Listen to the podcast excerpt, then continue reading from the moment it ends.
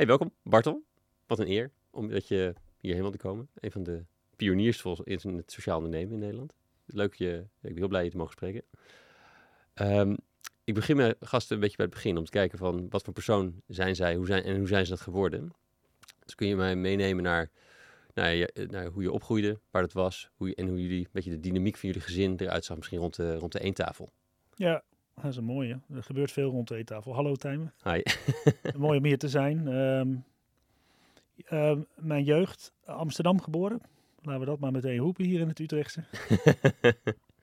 uh, Amsterdam Oud-Zuid. Vader uh, jurist, zelfstandig advocaat op dat moment aan de Prinsengracht. Moeder uh, thuis, van, natuur, van oorsprong onderwijzeres. Maar inmiddels tegen die tijd voornamelijk thuis. ik heb vier zussen, waarvan er nog één leeft. Ja. En dat maakt denk ik hoe wij zijn opgegroeid. Uh, alle drie uh, een erfelijke ziekte, cystic fibrosis. En dat maakt, ja, op een gegeven moment als kind weet je natuurlijk niet beter. Daar, daar groei je mee op.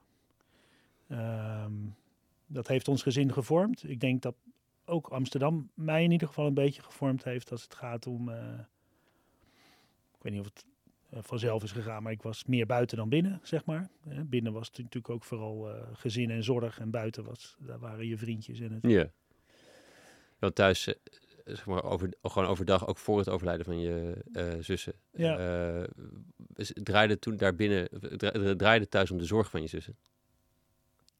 Nou, niet alleen. Dat zou absoluut nee. geen recht doen. Maar het heeft natuurlijk wel steeds meer richting hun puberteit ging dat, ging dat wel steeds meer uh, aandacht vragen. En uh, vooral in die tijd was er nog veel minder mogelijk qua thuisverpleging. Hmm. En thuismedicatie, antibiotica, kuren en dergelijke. Dat moest allemaal in het ziekenhuis. Dus ik kende op hele jonge leeftijd de weg naar het Sofia Kinderziekenhuis in Rotterdam uit mijn hoofd. Ja. En ik wist ook in het Sofia Kinderziekenhuis heel goed waar je je goed kon, kon verstoppen en zo.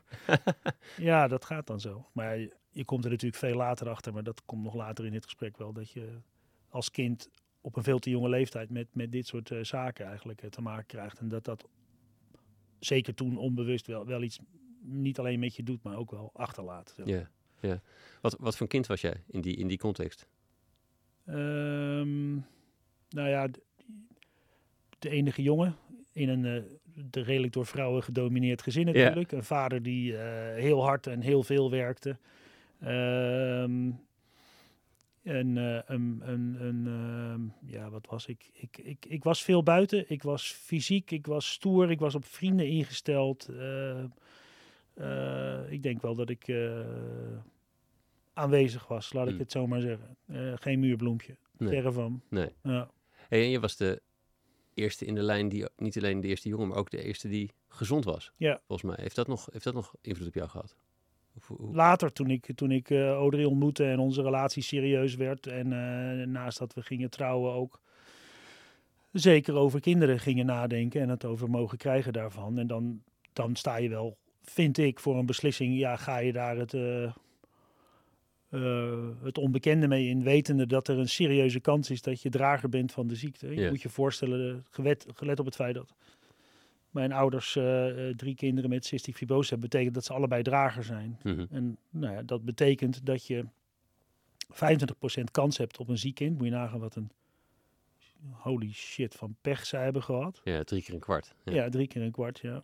Eh, er is één kwart dat je volledig gezond bent. En er is dus twee kwart, lezen de helft, dat je drager bent. Daar heb je overigens verder geen symptomen van. Maar die kans is dus best wel groot nog bij jou. Ja, Eh, daarom. Ja, daarom.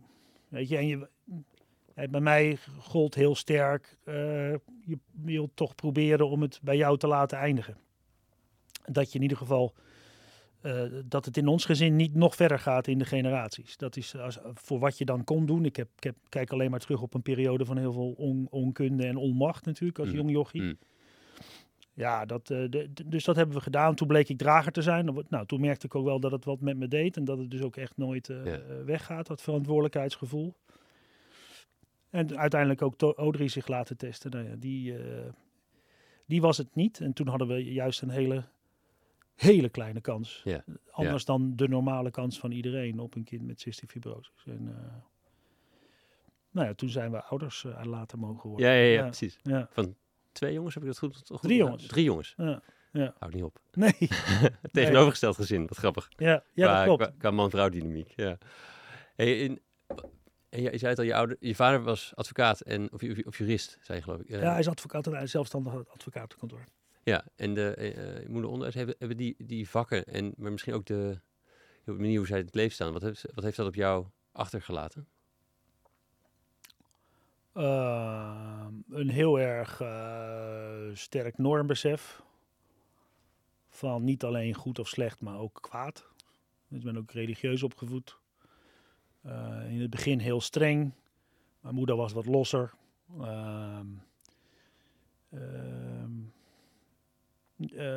ik denk dat ik van mijn ouders verantwoordelijkheidsgevoel heb meegekregen. Zeker van mijn vader. Hm. Daar ook wel heel erg op geattendeerd ben altijd. Hè? Oudste zoon van de oudste zoon. Dus een soort stamhouder uh, yeah.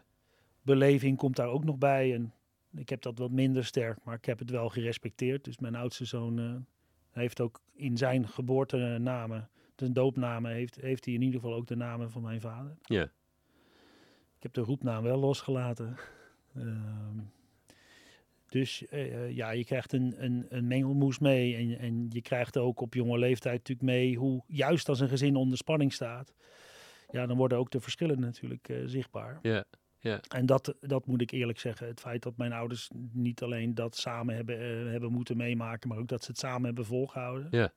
Ja, dat, daar kan ik alleen maar met heel veel respect en, uh, en, en warmte en liefde over praten. En ik vind dat ook gewoon uh, daar het allermooiste wat, uh, wat we ondanks alles uh, nou ja, eruit uitgekomen is of gebleven is, laat ik het dan Ja. zo zeggen. Hey, eh, inderdaad, dat ze bij elkaar zijn nog steeds. Ja. Eh, eh, hoe heeft dat jou kijk op relaties of, of, of, je- of dan wel persoonlijke relaties, dan wel werkrelaties? Hoe heeft het dat, hoe heeft het dat beïnvloed?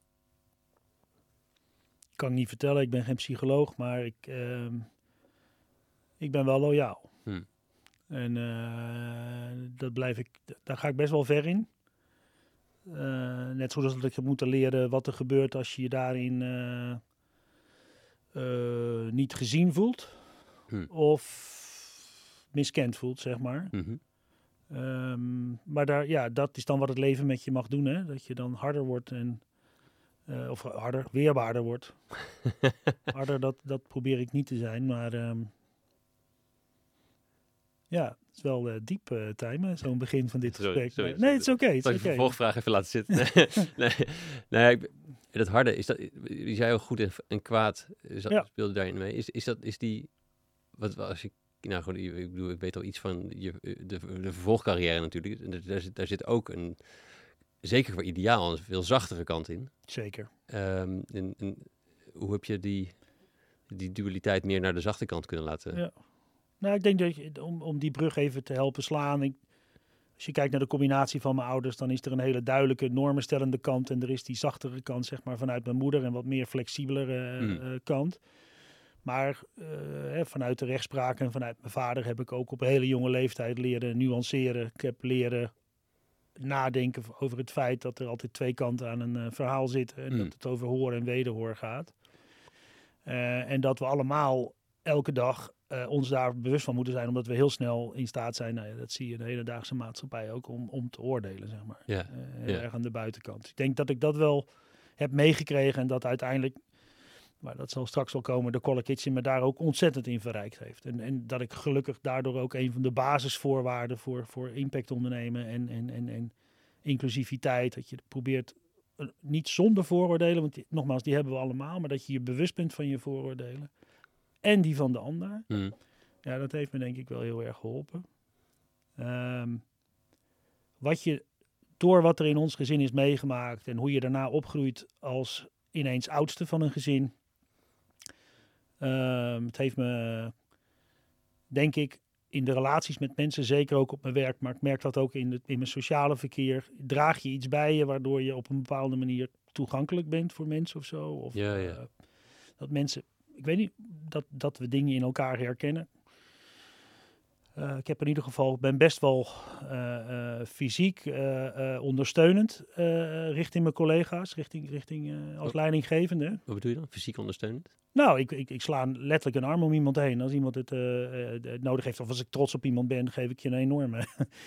Weet je, en dat is, ik, ik, ik, ik hoop niet, maar ik, ik, van de mensen die dat, ik, ik heb nooit mensen een onveilig gevoel, denk ik, gegeven. Hm. En eh, eerder het tegenovergestelde, dat ik ze juist probeer eh, te versterken en, Ja. en in zichzelf te laten geloven. Ja. En eh, zo'n omgeving gun ik iedereen. Dus eh, Hm. daar voel ik me altijd wel verantwoordelijk voor. Ja. Ja. ja. Je was dus opeens de oudste. Want je was, was het 14. 14 toen ehm, vrij vlak op elkaar je, je, je oudere zussen overleden. Ja, in twee maanden tijd. Ja, Ja. ja in, in, in het gat ertussen was 30, zeg maar, een, een maandje. Juli en augustus, 78. Ja, Dat is absurd. ja bizar. bizar. Ehm, wat, ik, wat ik je hoor, eh, las, wat ik las, wat je zei, is dat je een soort heilig pact het verdriet dat het doet met, op het gezin af, af, af eh, hoe zeg je dat, af, afwentelt. Eh, je dat je een heilig pact sloot om je ouders nooit meer dat, die pijn en, dat pijn en verdriet te laten meemaken. Dat Ja, maak je niet alleen de oudste in de kinderen, maar misschien wel de oudste in de, in de grotere constellatie. ja. ja, ik heb me daar wel, eh, daar ben ik me nu de laatste tijd van bewust. Dat ik, eh, ik heb wel een enorme last op mijn schouders genomen door op mijn veertiende, gelet op de wanhoop en het verdriet wat ik aantrof eh, thuis in het gezin. Om mezelf echt op te leggen en te laten beloven om, om mijn ouders niet meer te laten huilen. En zeker niet door mij.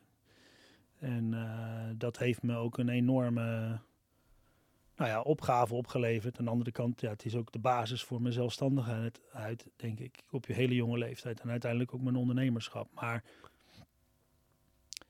ik word me de laatste tijd wel bewust. Ik zit natuurlijk in een coachende, lerende organisatie, Ja. mensenorganisatie. Dat, ik, dat ik daardoor ook dingen ehm, als voor een klein jochie van 14, dat ik heel veel dingen wat een kind nodig heeft ook heb afgesloten. Ja, En, en geen ruimte voor heb eh, genomen, maar ook niet heb gekregen. ja. Mijn verdriet bijvoorbeeld. Hm. Hè, je, je, bent, je bent, ben heel snel overgegaan tot het ontzorgen en, en weghouden van eh, verdriet. En ehm, nou ja, noem het, ja, wat nou, dat, dat, dat draag je wel met je mee. En dat, dat, er komt een moment in je leven dat, je, dat, dat dat zich op de een of andere manier toch gaat roeren. ja. Dat, dat, eh, en ik ben best een nuchtere jongen hoor, geloof me. Maar daar sta ik best voor open dat dat zo is. Net zo goed als dat ik heb gemerkt sinds ik in de wereld van impact ondernemen natuurlijk eh, aanwezig ben en ook heel veel heb zien komen. Dat je bij heel veel van de ondernemers iets herkent van, nou ja, noem het een trauma of noem het iets wat ons geraakt heeft, wat een litteken heeft achtergelaten waar we een keer mee aan de slag gaan. Ja, ja, een grootste gebeurtenis die iets achter heeft gelaten, waardoor Ja. het is extra hard motiveert om daar iets mee te doen. Ja, Nee, maar het, het geeft ook meer diepgang. Hè? Hoe, hoe, hoe fuck het ook is dat het gebeurd is. Als je daarna nog verder gaat en je neemt dingen als vanzelfsprekend, ja, dat kon niet meer bij ons. Ja. En dat geeft diepgang. Je- En dat- ja, wa- wat bedoel je? nou, dat je nadenkt over eh, dat niets vanzelfsprekend is. Ja. En dat je dus ook dat je dus eerder je knopen telt dan ik de gemiddelde medemens zie doen. En dat we allemaal dingen eisen en verwachten en eh, menen recht op te hebben. Maar zullen, zullen we gewoon eens beginnen met hoe, hoe, hoe dankbaar je moet zijn dat je in een, in, in een land leeft waar met een. eh, en, en dat je, de- nou, met veiligheid, maar dat je zelf ook, als je gez- dat gezondheid gewoon, weet je, dat is geen gegeven. Dat, Mm. dat, dat is echt, daar mag je blij mee zijn. Ja, ja, bepaalt zoveel. ja. Misschien door de, als we een beetje door die ondernemerschapsreis heen gaan, zo wel benieuwd zeg maar, waar dat het, het, het, het, het, het, het zorgen voor de rest in plaats van zorgen voor jezelf eh, nog wel, misschien wel echt een keertje concreet wordt, zeg waar je het ook ziet dat je dat gedrag hebt. Ehm, ik ben voor nu even gewoon, eerst even, j- jij trok de horeca in. Eh, waar, waar kwam dat, ehm, waar, kwam, waar kwam die interesse vandaan? Dat is de schuld van mijn moeder. de schuld van je moeder. Ja, Oké, ja. ja, dat, weet ze ook wel. Nee, ja, hoe het- ik, ik werkte op jonge leeftijd. De- Uh-huh. De reden waarom is wel duidelijk. Hè? Zelfstandig eh, geld verdienen. En, dus ik was vanaf mijn veertien al eh, werkzaam. eh, jawel, dat mocht toen nog, denk ik. In de, in de Centra supermarkt. Hè, dan ging je op dinsdagavond gingen we daar de vakken vullen. ja, En, eh, zo ben ik ook begonnen. Dat Ja. werd steeds meer, tot ik zelfs op zaterdag ook mocht werken. En dan mocht je in de groente, waar ook de zoon van meneer ten Brink werkte, Edwin. Dat is ook een goede, goede vriend van me gebleven. En dan mocht, de, de groente was toen bediend. Ah, ja, ja. Ja, dat, was, dat deed dat toen nog. ja. Dus ja. eh, daar stond ik dan op zaterdag. Dat was prachtig. Mooi team om ons heen. Het was leuk om mee te werken. Maar ehm, ik werkte toen in de... Ik zat toen op, op de HAVO. Mhm. En eh, ik was in de brugklas er nog een beetje te laat achter gekomen dat je er ook iets voor moest doen of zo. ik wist helemaal niet wat dat was. Ja. Leren, huiswerk. Eh, hè, ik kom uit Amsterdam en ik was altijd buiten. Eh, we woonden inmiddels in Alphen aan de Rijn. En eh, toen, eh, toen ben ik dus na de HAVO Atheneum gaan doen. Maar dan heb je dus nog een keer daartussen een enorm lange vakantie. Ja, ja, ja, ja. En ik denk dat mijn moeder gedacht heeft van ja, dat gaat mij niet gebeuren. dat die jongen hier elke dag... op het, eh, dus die had een vacature gezien van een afwasser bij Hotel Restaurant Spoonhuisbrug. Mijn eerste leerbedrijf uiteindelijk eh, geworden. Oh ja. Ja, ja. Als in je leerbedrijf waar jij leren werken bedoel je? Ja, Of, ja, daar heb ik ook mijn eerste getuigschrift van. Ja, ja, ja, fantastisch. Familiebedrijf heb ik later veel aan gehad. Wat het betekent om in een familiebedrijf te werken. Maar ook gewoon letterlijk vanaf, vanaf scratch gewoon beginnen. Dus gewoon in de afwas. Ja. By the way, er is niets laags of verkeerds aan afwas. Want als de borden niet schoon zijn en niet in de juiste aantallen, dan kan je nog zo goed koken. Maar gaat het niet gewaardeerd worden. Ja. Maar het is, het is gewoon wel, dat moet je wel leren. Het is wel een systeem wat erachter zit. Wil je tenminste de vuile vaat bijhouden en voldoende vaat opleveren in de piekbelasting van zo'n ja, horecabedrijf. ja. Dus dat ging in de eerste twee dagen ook niet meteen helemaal goed. Maar zo ben ik letterlijk in het vak terechtgekomen. Je hebt En- van die, eh, van die filmpjes van straatvegers. Met zo'n met zo'n bezem, met zo'n met een zo'n lange strooien bezem. En Ja. de behendigheid van degene die weet hoe, wat hij doet. En degene die net zo'n bezem voor het eerst vast heeft. Ja. Dat is echt een wereldverschil. Precies, Dat dat, is net met zo'n... dat is met afwassen. Ja, ja, ja. Het systeem niet, niet je eigen maakt, dan neemt het jou over en dan ben je los. en dan stapelt het op. En dat is ook gebeurd de eerste twee dagen, dat weet ik nog heel goed. Maar het was wel een bedrijf eh, ja, waar ik denk ik achteraf ook heel veel gewoon... Ja, ik heb er nog steeds heel veel warme relaties mee. En als ik de familie, de, de, de familieleden die nog leven zie, dan hebben we daar ook nog steeds een enorme warme band. Omdat ze me ook gewoon letterlijk als een soort leerling hebben gezien. En, en me de kans hebben gegeven om dingen te leren. Ze zagen denk ik dat weet ik natuurlijk niet helemaal, maar dat ik ook wel leergierig was. En dat, het, dat ik het ook wel leuk vond om met die voorkant eh, bezig te zijn. In de, Dus, als dus in, wat er bij- aan de bedieningskant, Ja, ja. aan de gastenkant. En ik mocht ook aan de stamtafel zitten als we klaar waren. En dan hoorde ik al die verhalen. Nou, dat vond ik natuurlijk wel spannend en leuk. En, eh, en op een gegeven moment kreeg ik de uitdaging eh, of ik in de bediening wilde eh, komen. Nou, ik dacht dat dat de zoveelste grap was natuurlijk die we in die tijd met elkaar uithaalden. Dat, ik bedoel, ik praat over, wat is het, eh, 1980. Had je nog een hele sterke witte en zwarte brigade gescheiden wereld. De, de, witte brigade, de koks en de zwarte brigade, nou, die snapten elkaar niet. En jullie, dat. En daar werden heel veel grappen vroeger in de oude horeca eh, onderling uitgehaald. Ik ga ze hier niet allemaal vertellen, maar iedereen van mijn eh, leeftijd, die weet wel waar ik het over heb. Als het gaat om eh, de grappen die werden uitgehaald. Maar, ehm, dus ik, ik weet nog dat ik een pak heb geleend, een zwart pak. Pak 1 heette dat toen, driedelig. eh, lichtblauw overhemd, zwarte strik. En ik, en ik eh, dacht van, nou ja, ik, ik, ik, ik word gewoon in de zijk genomen. Ik sta straks in, mijn, in die smoking, sta ik gewoon achter de afwasmachine straks. en ik denk dat dat de stijl was van hoe ik daar ben, ben begeleid en ben opgeleid. Dat ik, ik stond daar ineens te trillen in de hal van, nou, het zal toch niet waar zijn. En Jan Zaal, de bedrijfsleider, die, eh, die komt op me afrennen, de zoon van de, van de familie. En eh, met, een, met zo'n notitieboekje en een pen. Eh, zaal 3, daar zitten mensen die willen wat drinken. En, en daar ging ik. En Leren maar. Ja, en dat betekent dus ook dat eh, als ik dan met die, met die partij bezig was, veel, veelal samen met hem. Dus hij heeft me echt daarin eh, begeleid. Eh, en vertrouwd, denk ik dan, als je dat soort dingen echt met z'n tweeën alleen mag doen. Ja, als mensen ober riepen, dan, dan liep ik door, want ik wist niet dat ik dat was. Ja, ja, ja, ja, ja, wat ben je? Je bent 16, 17. Maar ik heb daardoor veel, dat was mijn stap, de bediening in. En dan verzorg je dus groepen mensen, maar wel met een vaststaand menu of met een vaststaand borrelarrangement of wat dan ook. Ja. En toen kwam ineens de uitdaging van, eh, van eh, het à la carte restaurant. En zo ik, heb ik bij hun al die, die, die stapjes eh, mogen maken, zeg maar. Dat is wel heel erg leuk. En wat, wat, wat in het vak is het wat je... Mens. Inmiddels. Maar toen, toen natuurlijk, toen ook de show, toen de producten. Daar ben ik, maar het is bij mij steeds meer de mens geworden. Ja, ik vond ja. het eigenlijk toen al, en ook dat kan ik zelfs terugherleiden tot, tot de gesprekken aan de stamtafel bij, met de familiezaal. Dat ik toen al uitgelegd kreeg waarom toen ik in, bijvoorbeeld in het, à la carte restaurant mocht werken. Waarom wanneer Bos die drie keer in de week kwam, op een andere manier behandelde dan een gezin wat misschien één keer in de drie maanden kwam en daar flink voor gespaard had. Ja. Om dat te kunnen doen. Eh, en dat je je daar vanuit je rol die je hebt als gastheer op instelt. En, je, en ook gewoon bereid bent, in plaats van eh, de, de, die nuchtere Hollander van doe maar gewoon. Maar dat je daar gewoon je gedrag op instelt. Uh, dat, dat is toen al begonnen. Ja. ja. En dat intrigeert mij het meest. Wat, wat horeca, wat ontmoeten, wat hospitality, wat je welkom doen voelen betekent. Of het nou een zakelijke reden is of een, of een particuliere redenen. Of een redenen van blijheid of van verdriet. Daar kun je heel veel verschil maken in, ja, in het leven van een ander. Zeg Ja. maar. Daar is het wel een beetje begonnen. Ja. Ja. Ja. Mooi. Ja. Ik ben er verder in gegaan, dat, dat- dat weten we, maar ook, ook qua, qua de, de, de, ehm, de, de, de school in, Den Haag, hoe heet die? Hotelschool. hotelschool. Hoger hotelschool, Hot- ja. Ehm, je beschrijft in het boek de, eh, wel, een- wel een mooie anekdote in, in, in die stage in Manchester.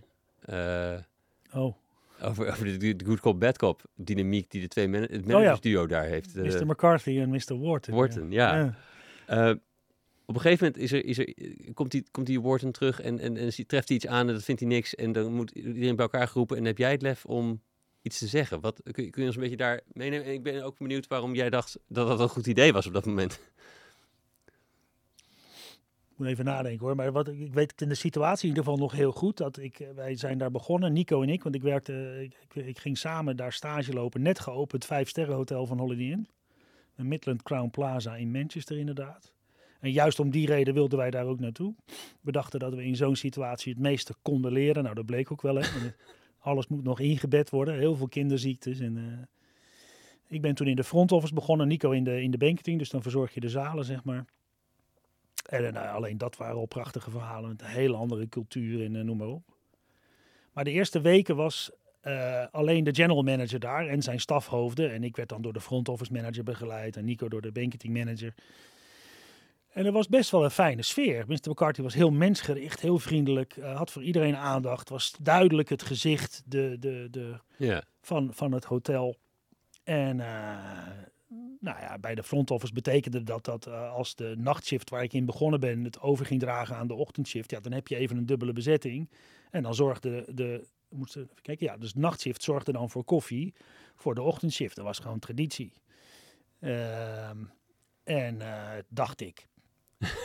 Totdat het ineens eh, op een, ik weet niet meer welke dag, iedereen heel erg gespannen was. En ik eh, koffie ging halen. En no, no, no, no koffie. Mr. Wharton is back. En, Mr. Wharton is back. Wat gaan we nu krijgen? En dat was dus de assistent general manager, zeg maar, de, de resident manager, zoals zij dat noemden. Ja, dat was gewoon de, de bad guy. Die, dat, dat bleek dus helemaal niet te mogen dat er koffie achter het kantoortje eh, gedronken werd. Om maar iets te noemen. En nou ja, ik weet nog heel goed, ik zie een man binnenkomen in de hal, wie in mijn beleving zijn hoofd net boven de receptiebalie uitstak. Maar het was een flink rood hoofd. En, en, en de man was super direct. Dat hij eh, eh, gewoon riep, van, what the, f eh, eh, what, eh, what are all these people doing here? Omdat hij een dubbele shift zag. En eh, ik daar een beetje stond te hakkelen van... eh, en dan tegen mij van, en who are you? Ja, dan word je natuurlijk wel echt, eh, je voel je jezelf in de hoek geduwd. ja, En ik weet nog dat ik toen hakkelde wel, I am eh, Bartel from Holland, I am a trainee. Maar goed, ik mocht na die periode, dus dan zie je wat managementstijlen doen en de angst versus eh, Ja. je gezien voelen. En ik ben daarna, mocht ik eh, duty manager worden. En eh, ze hadden het hotel had drie duty managers, omdat van de acht uur, om, om, om altijd een management, ook in de nacht, Ja. eh, te hebben. Eh, dat is ook een van de verplichtingen trouwens in een vijf-sterren hotel. En het voordeel daarvan is dat ik elke ochtend de morning prayers eh, mocht meemaken. Ehm, als ik tenminste dienst had. Maar ik werkte daar zes dagen in de week, dus dat was waar. en dan moest ik het verslag doen van de dag daarvoor. Dat moest de duty manager van de ochtend doen. Eh, dus of ik had die nacht gedraaid, of ik was die ochtend het verslag van mijn collega aan het inbrengen. En ik weet nog dat we daar zaten en Wharton komt binnen. Ik- Volgens mij doel je daarop. En hij had een, een eh, en hij was pis en pislink. En ik zag aan iedereen onrust. Ik denk, wat gaat hier gebeuren? En eh, hij komt binnen en eh, nou, in het, het kwam er in feite op in het, in het Engels, maar laat ik het in Nederlands vertellen. Van, ik ben het helemaal zat. En hij pakt die stapel papier. En dit zijn allemaal klachten over dit hotel. En hij stort ze gewoon uit over het managementteam. En, eh, en we gaan deze ruimte niet uit voordat iedereen mij verteld heeft wat er bij zijn afdeling speelt en wat hij daaraan gaat doen. En anders is het klaar. En eh, hij was zo pissig. En degene die gewoon spot on durft te zeggen hoe het is, die mag mijn stoel hebben. Dat zei hij ook nog. Ik denk, oh, dit is gaaf. Ik, dus ik zat klaar met mijn pen en papier. Ik denk, dat is voor ons stagerapport. Ik kan alles gaan opschrijven. Ja, dat gaaf lekker opschrijven dit. Ja, ja, een soort analyse van Nico en Bartel. De eerste. dan krijg je gewoon in je schoot geworpen, weet je wel. En dat heb ik ook gedaan. Ik was aan het schrijven, ik was aan het schrijven. Totdat ik ineens schrok van, uh, en uh, wat vind jij ervan? En toen kreeg ik ineens de beurt. Daar had ik natuurlijk geen rekening mee gehouden. Nee. Nou goed, het voordeel was wel dat ik, ik zat er natuurlijk samen met Nico. Dus ja, in de tijd die we ook samen vrij hadden, hebben we heel veel gesproken over hoe dat in het hotel ging. En wat ons opviel en wat we vreemd vonden en hoe wij dat zouden doen. En toen heb ik maar een kort verslag gedaan van onze bevindingen en, en ja, hoe wij dat zouden insteken. En één daarvan was dat we overal eilandjes aantroffen. Dat niemand op elkaar ingesteld was. En misschien ook niet de tijd voor gekregen had. Of... En uh, toen werd het stil. Hoe durfde je toen die scherpte te, te hebben? Nou, ik denk niet dat, ik het heel scherp gebracht heb. Hoor. Mm. Ik denk dat ik het redelijk bleu met, denk ik, vlekken in mijn nek meer hoe je net beschreef toen je achter de balie met koffie stond. Maar wij voelden ons wel redelijk zeker. We, hmm. we, wisten ons heel erg gewaardeerd in het hotel. Wij sliepen in het hotel, dus we werden ook de kust en te keur. Vooral ik, omdat ik duty manager was. Uit bed gehaald en uh, dan moest er iets opgelost worden. Oh, ja. We hadden ook wel lef hoor, Nico en ik. Dat, dat weten onze medestudenten ook nog wel. Zeker Nico, die had echt lef.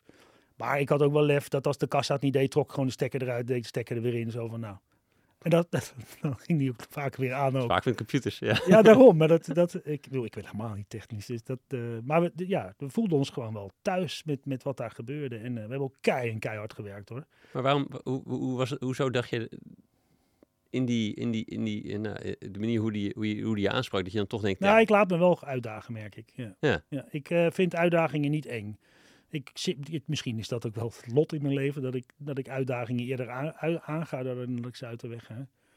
Dus ja, dit was natuurlijk, dat voel je, wow, het gebeurt me nu. Maar het was echt niet op dat moment voorbereid van ik moet iets vertellen, want dat is een hele andere spanning. Dus ik werd er letterlijk door overvallen. Ja, dan grijp je terug, dan, laat ik, dan val ik niet stil. Dan, ja, dan ga ik gewoon vertellen wat, wat ons is opgevallen. En dat we dat volgens ons ook relatief simpel uh, zouden kunnen aanpakken toch de bravoer van het Amsterdamse jongetje of zo. Misschien, misschien. Het was wel mooi dat hij dat. En dat, toen zag ik de andere kant van Worten. Hij was dan wel kei en keihard, maar hij was wel consequent. Dus toen, uh, toen, uh, toen kreeg ik zijn stoel. Ja. ja. Ja, eventjes hoor. ja, maar wel weer terug, ja. ja. ja. Mooi. Hey, wat, maar je moet je voorstellen, bij, bij de, toen wij uh, voor de verdediging van ons rapport opgingen, en dan zal ik ophouden, maar ik ga hem nu toch even ook bedanken. Uh, hij heeft ons, ons, ons uh, dus hotelschool te woord moeten staan. Maar wij hadden een belachelijk hoge stagewaardering. En de school die twijfelde daar gewoon aan. Los van het feit dat jij het verslag niet zelf in jouw Engels getikt had. Ik had het laten tikken, ja. Dat, klopt. Ja, ja. ja, nou, dat, was al de, dat was al de tweede reden. En toen, toen kregen, kregen ze Woorden aan de lijn. en Woorden blijkt dus letterlijk eh, te hebben gezegd tegen de hotelschool. What? These guys are just two fucking heroes. ja, dat, dat, soort, dat, dat was Mr. Wharton, ja. Mooi. Keihard, maar wel heel consequent. Ja. Mooi. Ja. Hey, jij, ontsnapte niet aan de, de dienstplicht nog. Tenminste, ik, ik ontsnapte daar natuurlijk makkelijk aan. Maar de, nee. Uh, je bent hierna uh, militaire dienst gegaan. Uh, ja, die brieven kwamen tijdens de, de managementage in Engeland bij, bij, mijn ouders binnen. Oh ja, dus die zagen de bijl hangen, maar jij wist het nog niet? Of? Nou ja, we wisten toen allemaal natuurlijk dat dat hmm. speelde. Uh, maar het hing een beetje van je studie uh, natuurlijk af wanneer je dan in uh, diensten ging, kon of mocht. Ja. Het ging allemaal best wel flexibel. Maar ik kreeg inderdaad oproepen. En ik werd gebeld door een, een ouderejaars hotelschoolstudent die een jaar eerder afgestudeerd was. Ja. En die had een functie binnen Defensie gekregen in het kader van zijn uh, dienstplicht. En dat bleek uh, de manager van de bedrijfsrestaurants te zijn van uh, het hoofdkwartier van de Koninklijke Luchtmacht. Ja. Daar wilden ze per se een, een afgestudeerd hotelschool. en de consequentie was dat ik moest bijtekenen als officier. Dus ik kreeg een officiersopleiding, moest drie maanden langer in dienst. Oh ja. Maar het leek me, daar gaan we weer, het leek me zo'n leuke uitdaging. Hmm. Ehm, ik heb ook altijd iets van gehad hoor, met, met krijgskunde en, eh, en het uniform. Dus dat, dat vond ik op zich uh, prima. En, dat was er vooral? Ja, al vanaf, vanaf, jongen, vanaf 10, 11 jaar. Toen ik de, de kleine Sesam encyclopedie bij in de boekenkast van mijn vader had aangetroffen. Met foto's en verhalen. en landkaarten over de Tweede. Wereldoorlog. Toen, toen was ik al lost. Had je over die plastic soldaatjes en zo. Allemaal gehad. Ja. Allemaal gehad. Ik weet het nog wel. Vroeger met een vriendje, dan gingen we op, op, zo'n, op een oude treinbaan gingen we die allemaal neerzetten. Zo op Zeker. Ja. Zeker. Pief, paf, poef. Ja. Alhoewel het opzetten leuker was. Hè? Vaak wel, de ja. stelling zetten was leuker dan, dan het gevecht zelf. Dat werd natuurlijk Ja. toch een puinhoop. Ja, wat is dat? Dat heb ik ook. Ja, ja. Misschien Nou, toch de ondernemer. Dat je het plannetje wil maken. ja, dat denk ik. Ja. Ik, vind het, nou, ik vind strategie sowieso... eh, ik, ik speel ook graag strategische spellen. Dat, eh, dat, dat klopt wel, ja. Ik had vandaag aan de lunchtafel een heel gesprek over het verschil tussen de, de shooters, waarbij je moet blijven schieten en alert moet blijven de hele tijd. Of dat je de, de simulator aanzet. Ja. Dat het ondernemer toch meer de simulator wil aanzetten. En dan kijken of het, of het gewerkt heeft wat hij bedacht heeft. Ja. Ja. is, eh, Nou, dat is wel iets wat ondernemers typeert. Tenminste, dat is wel wat ik heb mogen ervaren. Dat we heel erg graag resultaat willen zien van, eh, van wat we doen. Dus dingen als resultaatgerichte houding en resultaatgericht gedrag, dat is bij ons natuurlijk, ja, dat is, dat is gewoon van nature. ja. toch? Ja, het moet, ja, je zit er niet om gewoon achterover te hangen. Het Nou, moet iets opleveren. ja. nee. ja. Hey, dus in de militaire wereld was je dus nou ja, op papier bekend, maar ik, ik neem aan in de praktijk toch wel echt, wat anders dan, de, dan wat de boeken zeiden. Of zo, wat de boeken die lieten zien. Andere wereld. Ja. Ja, ja. Daar heb ik later nog veel aan gehad. Maar er is echt een militaire wereld en een burgerwereld. En, Hmm. zo, en zo praten zij er ook over. Ja, als je achter de slagboom, eh, komt, slagboom eh, komt dan, dan, dan ben je van hun. Dan ben je in hun wereld. En eh, ik heb door die functie ehm, en het regelmatig, ze lees zeer regelmatig verzorgen van VIP-bijeenkomsten met, met commandanten van andere landen en andere krijgsmachten delen. En heel veel NATO-verbanden, waar de bevelhebber dan een, of zijn plaatsvervanger een ontvangstfunctie had, ja, dan moesten wij opkomen draven om eh, menu en eh, nou ja, dat soort dingen allemaal door te nemen. Ja, dat, dat was onder andere de manager, want Ja. het is natuurlijk allemaal aan rangen gebonden. Dat moet de manager doen. En eh, ja, dan krijg je zelfs een relatie met de bevelhebber. Maar dat is het leuke van catering, dat je vaak tot op de raad van bestuur komt, want je serveert de gehaktballen, zei ik altijd. ja, ja, ja. essentieel ben je. Maar dat, ja. dat, dat was daar ook. Ja. Maar ik ben dus wel daardoor op een hele jonge leeftijd, relatief jonge leeftijd, ben ik in die 17 maanden dat ik in Den Haag zat. En omdat daar dus ben ik wel heel erg snel in de mores van het, van het militaire, militair zijn ehm, eh, kunnen kruipen. En ook de verschillen hè, tussen een landmacht en een marine en een luchtmacht, die, die, die, die, die leerde je omdat ze in dezelfde ruimte kwamen, maar op een andere manier achting gaven of receptiegedrag vertoonden. Hè, la- landmachters die namen in de rij nooit een drankje, want dat doe je pas nadat je de recipiënt Oké, ja. ja. hoe lang de rij ook is. En, eh, de, nou, eh, en ik denk marine ook wel, maar luchtmachters waren veel meer vrijgevochten. Die hadden zoiets van, nou, oh, dat duurt nog wel een kwartier, dan kan ik wel een drankje drinken. dat krijg ik wel op in die tijd. ja, Ja. ja. dus dat soort dingen leerde je op, eh, Mm. leerde, heb ik wel meegenomen. En, en het voordeel is natuurlijk, ik leerde alle rangen en standen, omgangsvormen. En dat- daar heb ik later eh, bij Defensie echt heel veel baat bij gehad. Dat ik, dat ik Ja. weliswaar burger was, maar ja, in je gedrag eigenlijk een van hun bent, eh, kunt zijn. Ja, dat lijkt een beetje op wat je... Nou, ja, dat is misschien een gek brugje, maar dat lijkt een beetje op wat je zei. Door, door iets heel heftigs meegemaakt te hebben, dat je gelijk een soort vertrouwen hebt met, met andere mensen die Mm. een, een soort veiligheid creëren of zo. Dat, dat je, dat, je, dat je ziet dat die ander, de ander ziet dat jij hen herkent of snapt of op, op, op een manier. Dat, Defensie snapt dat van. Ja, dat is wel een goeie. Daar heb ik zo nog niet over nagedacht, maar ik heb, ik heb heel veel respect voor het uniform. Hmm. En ik, eh, ik denk dat we daar echt wel eens wat vaker stil bij mogen staan. Dat if the shit hits the fan, dan, dan staan zij vooraan. En ja, we leven godzijdank in een tijd van vrede. Eh, en dan dreigen we dat soms wel eens te vergeten. ja, ja. ja. Maar dat is natuurlijk niet vanzelfsprekend. En ehm, ja, dat, dat ik denk dat, eh, nou ja, dat, dat, dat, voel, dat, eh, dat voelde men, denk ik. Eh, maar ik denk ook dat het komt omdat je niet de valkuilen instapt. Die men soms in mijn optiek, op, in mijn overtuiging, bewust neerlegt voor burgers. Hoe bedoel je? Nou, dat, dat militairen zich niet op hun rang per se laten aanspreken door een burger. Maar als je het wel doet. Hè, ze gaan er prat op van eh, zeg maar Hans of Karel. Of, maar als je gewoon zegt. eh, Ze hebben het toch goeie- graag. Goedemorgen, kolonel. Ja, ja, ja. Vindt de kolonel dat wel heel fijn. Dat je, niet alleen dat je kolonel tegen hem zegt, maar dat je dus klaarblijkelijk verdiept hebt. Ja. En dat is natuurlijk een mooie anekdote in het boek dat, ik, dat we ons plan aan het presenteren waren bij Defensie toen ik, toen ik terugkwam, zeg maar, ja. om een cateringprobleem van hun op te lossen. Namelijk eh, voor alle restauratieve diensten, of de eh, krijgsmachtdelen, een, een eenduidige restauratieve dienst. Althans, dat hadden wij voorgesteld. En eh, ik weet nog wel dat we het aan het presenteren waren in Den Haag. En eh, dat er toen een, eh, een militair binnenkwam. Alleen niet in zijn uniform zoals nou, menigeen dat kent vanaf wat, je, wat ze dragen als ze op tv zijn, representatief. Maar dat operationele uniform, dus het, het veldtenu. Ja. Hè, dus een camouflagekleur en alles. Maar het was wel een generaal. Hè. Er waren toen twee generaals die in het land gestationeerd waren. Die zijn operationeel. I- Jij, had dat, jij, wist, jij wist dat dat op dat moment was? Ik of- kon het oké, aan de rangen Je zag het aan de, aan de Ja. Ja. Ja. Maar je weet ook dat er een spanning is tussen de, eh, tussen de mensen die in het veld staan en degene op de staf. Dat, is, dat hoort. En, hè, want zij doen het echte werk. Ja, ja, precies. En dat willen ze graag laten zien door naar de staf te komen in het operationele tenue.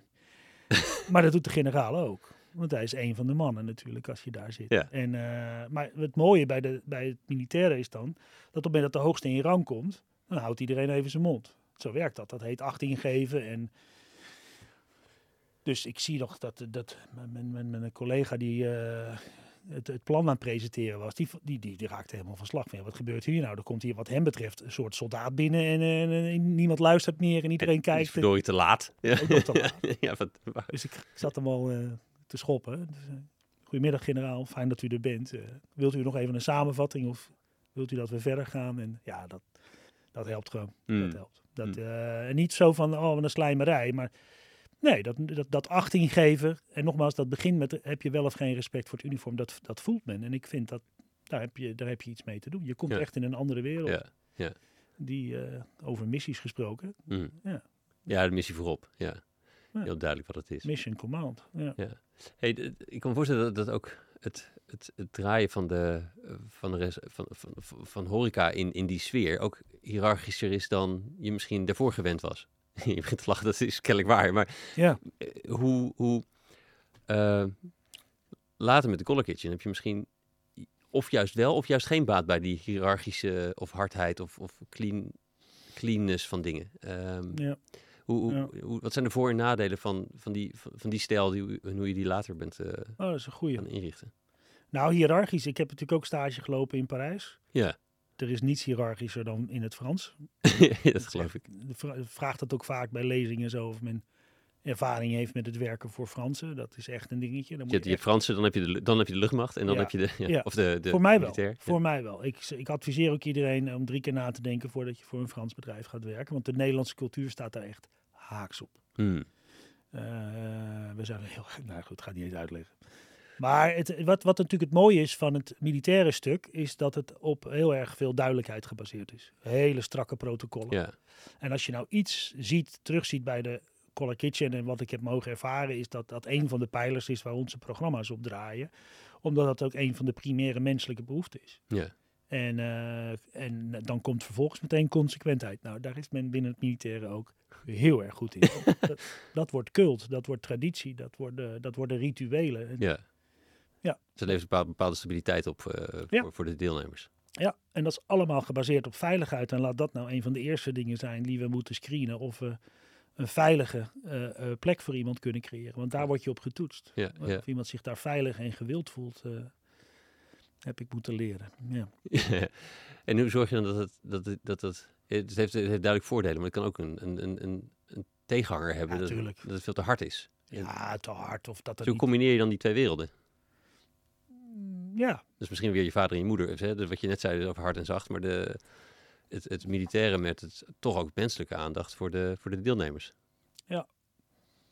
Nou ja, ik denk dat ook Defensie zelf natuurlijk eh, aan het ervaren is dat er aandacht aan die zachte kant besteed moet worden. Hè. Kijk maar naar de PTSS-gevallen en dergelijke. Hoe belangrijk nazorg is naar een missie. Daar hebben ze natuurlijk wel slagen in gemaakt. Maar in de tijd eh, nou ja, waar ik dan in dienst heb gezeten, was dat amper nog aan de orde natuurlijk. De eerste posttraumatische ervaringen waren ex-Libanon-gangers. Daar Hmm. heb je het ongeveer over. Wanneer was dat? toen, in eh, 1974 of zo. Ja. Dat- in die jaren daarvoor hebben we natuurlijk die, die Libanon-missie, eh, heeft mijn oom nog ingezeten zelfs. Met de, blauwe, eh, de blauwhelmen. Maar ehm, ehm, de kunst is natuurlijk om een, een, een, een strak, herkenbaar kader neer te zetten. Dat is wat ik ervan geleerd heb. Waarbij de militairen nog veel verder ingaan op alle vervolgens daarbinnen passende regels, omgangsvormen en dergelijke. En dat, als je dat weet los te laten, als je binnen die kaders veiligheid en ruimte biedt voor zelfontplooiing, eigenwaarde, maar ook eigenheid. Hè, ik geloof niet in dat, dat dogmatische, we zijn allemaal gelijk, want het is helemaal niet zo. We zijn natuurlijk wel gelijkwaardig. Mhm. En dat is niet, oh ja, nee, dat is een uitgangspunt. Daar moet je naar willen handelen. De een heeft meer kansen gehad dan de andere, maar we zijn wel gelijkwaardig. En dat, ik denk dat het voor iedereen om dat tot stand te brengen en elkaar weer te leren zien zoals we zijn en met elkaar op te trekken, is dat je, en daar ben ik dan trots op dat ik daar een van mag zijn die dat helpt te, te creëren, is dat mensen gewoon, in, denk ik, beter presteren, beter tot hun recht komen, meer plezier hebben als ze zich aan een kader kunnen vasthouden. Hmm. Want het biedt ook veiligheid. Zo van oké, binnen, deze, binnen dit kader mag ik zijn wie ik ben. Mag ik, het, mag ik er mijn eigen inkleuring aan geven. Dat staat toch niet eens bij dat als ik over dat kader heen ga, of over die grens, dat dat niet mag. Maar ik weet wel dat het een moment is dat ik het niet meer alleen moet willen beslissen. Ja, En dat je dan dus het overleg zoekt. ja, ja. ja. Nou, als je die balans mag weten aan te brengen. En nogmaals, balans betekent dat hij in beweging is. Hè? Hmm. Het, is geen, Geen stasis. het is niet in beton gegoten. En dat is denk ik de kunst van wat we ons hebben mogen aanleren als impactondernemers. Dat dat balanceren precies is wat we ook moeten doen tussen het gezond houden van ons bedrijf. een gezonde bedrijfsvoering, tevreden gasten hè? En, en, en, en zeker ook tevreden medewerkers. Terwijl je aan de andere kant gewoon een missie hebt waarin je gewoon een maatschappelijk probleem wilt adresseren. Ja. En eh, dat, vraagt, dat vraagt continu om balanceren. Hey, je- je bent natuurlijk na, na, de, na de militaire dienst eh, allerlei projecten gedaan, maar ook, ook gaan ondernemen. Dus soms is het project van, eh, ga dit doen. Ik weet niet hoe je het doet, maar ga dit doen. Hè, Maar dat is in ieder geval een opdracht. Dat is een soort kader. Ja. De opdrachtgever heeft een kader. Maar het, het ondernemende heeft de- per definitie eerst even geen kaders, behalve een soort van de, de, de samenlevingsrandvoorwaarden of zo. Maar de, de, de- de- hoe, dan Ja. heb je dus niet voor jezelf die, Nee. die, die, die, die veiligheid of zo. Nee, Dus het- dan ben ik juist op mijn best. Ja. Ik, ben, ik, ik, ik, ben het, ik kan het meeste rendement opleveren in een situatie waarin er nog geen duidelijk eh, omschreven eh, pad eh, is of wat dan ook. Ik, ik mag in die fase klaarblijkelijk van meerwaarde zijn doordat ik een doel durf kan mag de- definiëren, maar vooral de mensen daarvoor mag mobiliseren, verbinden en Weet je, dat, uiteindelijk gaat het daarom dat je de, de ik zie, ik, en dat zal ik ook nooit vergeten, de, de eerste mensen die, die voor de Color Kitchen zijn komen werken. Ja, dat zijn natuurlijk, daar gaat het om natuurlijk. Die, er is nog niks. ja, Misschien een paar gekken als ondernemers. dat is ook stel helpen. ja, we kunnen natuurlijk volkomen gek zijn geweest. Ja, ja. En dan, eh, en, Ja, maar je, je had niet zelf het idee dat je gek was. Dus je, de- niet, Nee. niemand gaf je de nee, ik wist veiligheid. zeker dat klopte. Ja, maar waar, waar haal je die Ja, zeker? dat, nou, dat, vind ik, dat vind ik dus wel inspirerend. Om, om, om daar op zoek te gaan, maar bij, ook bij, bij andere collega's en, en, en, en voorbeelden. Ik heb ze zo niet op een rijtje staan, maar ja, wat maakt dat iemand ergens van overtuigd is? Ehm, zonder inflexibel te worden, hè? want daar, dat, dat, dat, dat, dat, dat bedoel ik er niet mee. Maar ja, eh, op een gegeven moment, ik denk dat het daar een beetje om gaat. Mag je ervaringen opdoen in je, in je leven, ook dingen die fout gaan of die tegenzitten. Waardoor je voor de vraag komt te staan, ja, ga ik hier iets uit leren of niet? Ja. En op een gegeven moment denk ik dat ik op het punt was van, nou, ik heb, ik heb nu voldoende geleerd, ook van hoe het niet moet. Bijvoorbeeld zo'n Frans hiërarchisch systeem. Eh, want ik heb gewoon zes maanden gewerkt in wat er dan ontstaat in het gedrag van mensen. Ja. Qua ontduiken, niet rapporteren, elkaar naaien, letterlijk en figuurlijk. Van eh, ga jij maar eh, het strafblaadje.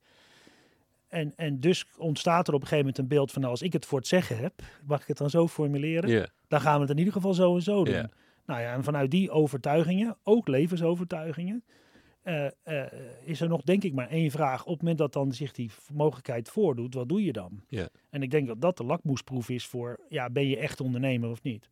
En dat is niet alleen ondernemer van in diepe springen. Dat is vooral, zie jij iets wat in het verlengde ligt van waar jij in gelooft en eh, wat past bij wie je bent en waar je vandaan komt. Ja. En dat was voor mij de Collar Kitchen, zowel zakelijk als qua mens. Dat, dat, dat, en, en toen zat er nog meer in dan ik op dat moment wist. Kun je nagaan. ja, ja, ja, precies. Want voordat je begint weet je het nog niet. Eigenlijk weet je het nog niet. Nee, maar zakelijk wist ik echt dat dit nodig was. Dat voelde ik aan alles. En, en, en qua mens, ja, vond ik het zo'n confrontering met mezelf ook. Dan gaan we weer richting vooroordelen, waar Hmm. je dan bewust van moet worden eerst. Ja. Dat, eh, nee, dat, dat, dat is me. de- de- dat, die, die eerste Kitchen die er was, Collar Kitchen 1.0 in Amsterdam, waar, waar ik dan op uitnodiging eh, van de twee founders eh, naar binnen ben gelopen, ik, ik werd direct geraakt. Maar het was ook mijn eerste confrontatie met, nou ja, wat we dan technisch mensen met een afstand tot de arbeidsmarkt eh, noemden. We, we noemden Daar had je nog, je had natuurlijk eh, je, je had Ja. de, ehm, de problematiek met van, je, van de ziekte van je zussen. ja, maar hier had je verder geen, geen, geen, geen beeld bij of geen, geen, geen ervaringen mee. Of meer dan de, wat je erover las. Of, denk dat dat voor, ja, nou, daar, daar begint het natuurlijk. Ik denk dat dat voor heel veel mensen geldt. Eh. Daar moet iedereen maar eens over nadenken. Maar ik vond er ondertussen al wel wat van, want ik had erover gelezen, toch? ja, ja. En eh, nou, ik was ook belastingbetaler, dat ben ik nog steeds. En ik ben ook ondernemer, dus ik, ik had er helemaal geen positief eh, beeld van. Daar ben ik helemaal niet te beroerd om dat eh, Mm. te zeggen. Het, systeem was natuurlijk, eh, het is natuurlijk stuk. Ik bedoel, je, ik, ik, er zijn steeds meer mensen thuis op de bank, steeds minder aan het werk om het systeem te onderhouden. Nou, Ja. dat, dat, met dat soort gedachten ben je over dit onderwerp aan nadenken. Alleen het probleem waar ik mezelf mee geconfronteerd eh, liet worden, is dat ik de mensen er eigenlijk de schuld van gaf. Hmm. Het zal vast aan die mensen liggen, toch? Dat er steeds meer mensen thuis zitten. ja, ja. Inmiddels weet ik beter. Maar eh, nee, ik had geen eh, wereldveroverend, verbeterend eh, idee. yes, en nou ga ik de Collar Kitchen beginnen. Het was voor mij echt van, oh, hier hebben we het over. Ja, je zag, het- je zag het toen je binnenliep en toen dacht je, er kan, Ja. er kan hier wat. Ja, ik zag mensen, en dat zijn dan onze professionals. Ik ben sowieso heel gevoelig, altijd geweest voor mensen die met passie met hun werk bezig zijn. Ik zag dat en tegelijkertijd zag ik iets en ja, wat, wat, wat medemenselijkheid, hoe, hoe, hoe, hoe, hoe, hoe ze ook hun aandacht richten op hun collega's, wat dan, eh, wat ik dan liever ongekende talenten noem inmiddels, eh, eh, hoe ze daarmee omgingen. Ja, En, en, en toen dacht ik, ja, dat vind ik dan het leuke van ondernemer zijn. Dat zal hun niet allemaal op één en hetzelfde moment zijn geweest. Maar ik zag daar de grondslag van, joh, maar als wij in onze formule naar de toekomst toe, die aandacht die die mens extra vraagt en mag krijgen, stukje extra liefde, extra geduld, extra begrip, extra aanlooptijd om te aarden. Als je die bereid bent om in te zetten en je weet het vervolgens, maar let op die volgorde, Mhm. vervolgens om te zetten naar een meer aandachtsbeleving door de gast. ja, In de brede zin van het woord. Dat je weer ambachtelijker kunt werken. Dat je desnoods lokaal de producten zelf gaat ophalen met elkaar. Want je hebt meer mensen omdat je ze aan het opleiden bent. Mhm. Maar ook in de bediening. Dat Ja. je weer veel meer warmte en aandacht en wat fijn dat u er bent. ja, Gedrag mag brengen naar die mensen. En vervolgens blijkt dat de belangrijkste ontwikkeling voor het gros van onze deelnemers te zijn. Door weer daar. onder de mensen te Ja, komen. ja. En te ervaren dat hoe je contact legt en dat we allemaal gewoon mens zijn en sociale wezens zijn. En dat ook zij zich bewust worden van de vooroordelen die ze hebben. Omdat iemand er anders uitziet. Of- ja, ja, ja. Hey, wanneer is dit gaan borrelen bij jou dat, jij er iets, dat je er iets mee moest? Los van lekker horeca draaien als ondernemer of zo, zeg maar. De, Je bedoelt met, dat, met een maatschappelijke... ja, eh, nou, eh, eh, ik denk dat mijn binnenlopen bij de Collar Kitchen eigenlijk de bevestiging was van onrust. Die ik voelde omdat ik in de job waar ik... Even kijken. Ja, waar ik toen mee bezig was. Ik was toen verantwoordelijk voor de commercie bij Avenans. de- Mhm. Dat was de vierde cateraar van Nederland. Lid van het directieteam. En eh, ik begon te merken, en dat was bij het Sophia Kinderziekenhuis. eh, dat, dat zal ik nooit vergeten. Dat beschrijf ik ook in mijn boek. het is hetzelfde ziekenhuis. Ja, natuurlijk. ja, Ja, van natuurlijk. Ja. Ja, maar dat moet dan zo zijn, denk ik Hmm. dan. Ja, ja.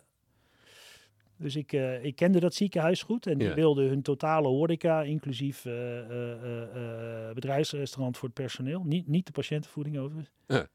Dat daar ook soms in ziekenhuis wel wat uh, Zeker, zeker, zijn. zeker. Maar daar hebben veel cateraars zich op, eh, over cultuur gesproken, daar hebben veel cateraars zich op stuk gebeten. Nee, dit was echt voor de front, eh, frontkant. Ja. De belevingskant, de, de, het bezoek. De, de,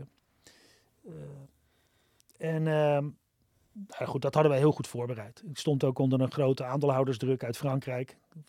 Weer die Franse. Avenans was een Frans Ja. aandeelhouder, aan, aan, Franse aandeelhoudersgroep, Elior. En eh, joh, wij moesten in Nederland gewoon hetzelfde marktaandeel in de zorg realiseren. hè. De spreadsheet management noem ik dat. Cultuurverschillen doen er niet toe. Wij doen 15%, jullie nog geen 3. Aan de bak gelijnd, regel dat. Dus dit was wel, ook vanuit die druk was dit wel een belangrijk project. Maar wat je terecht meteen opmerkte, dank daarvoor. De, persoonlijk had ik er natuurlijk ook wel wat mee. Hmm.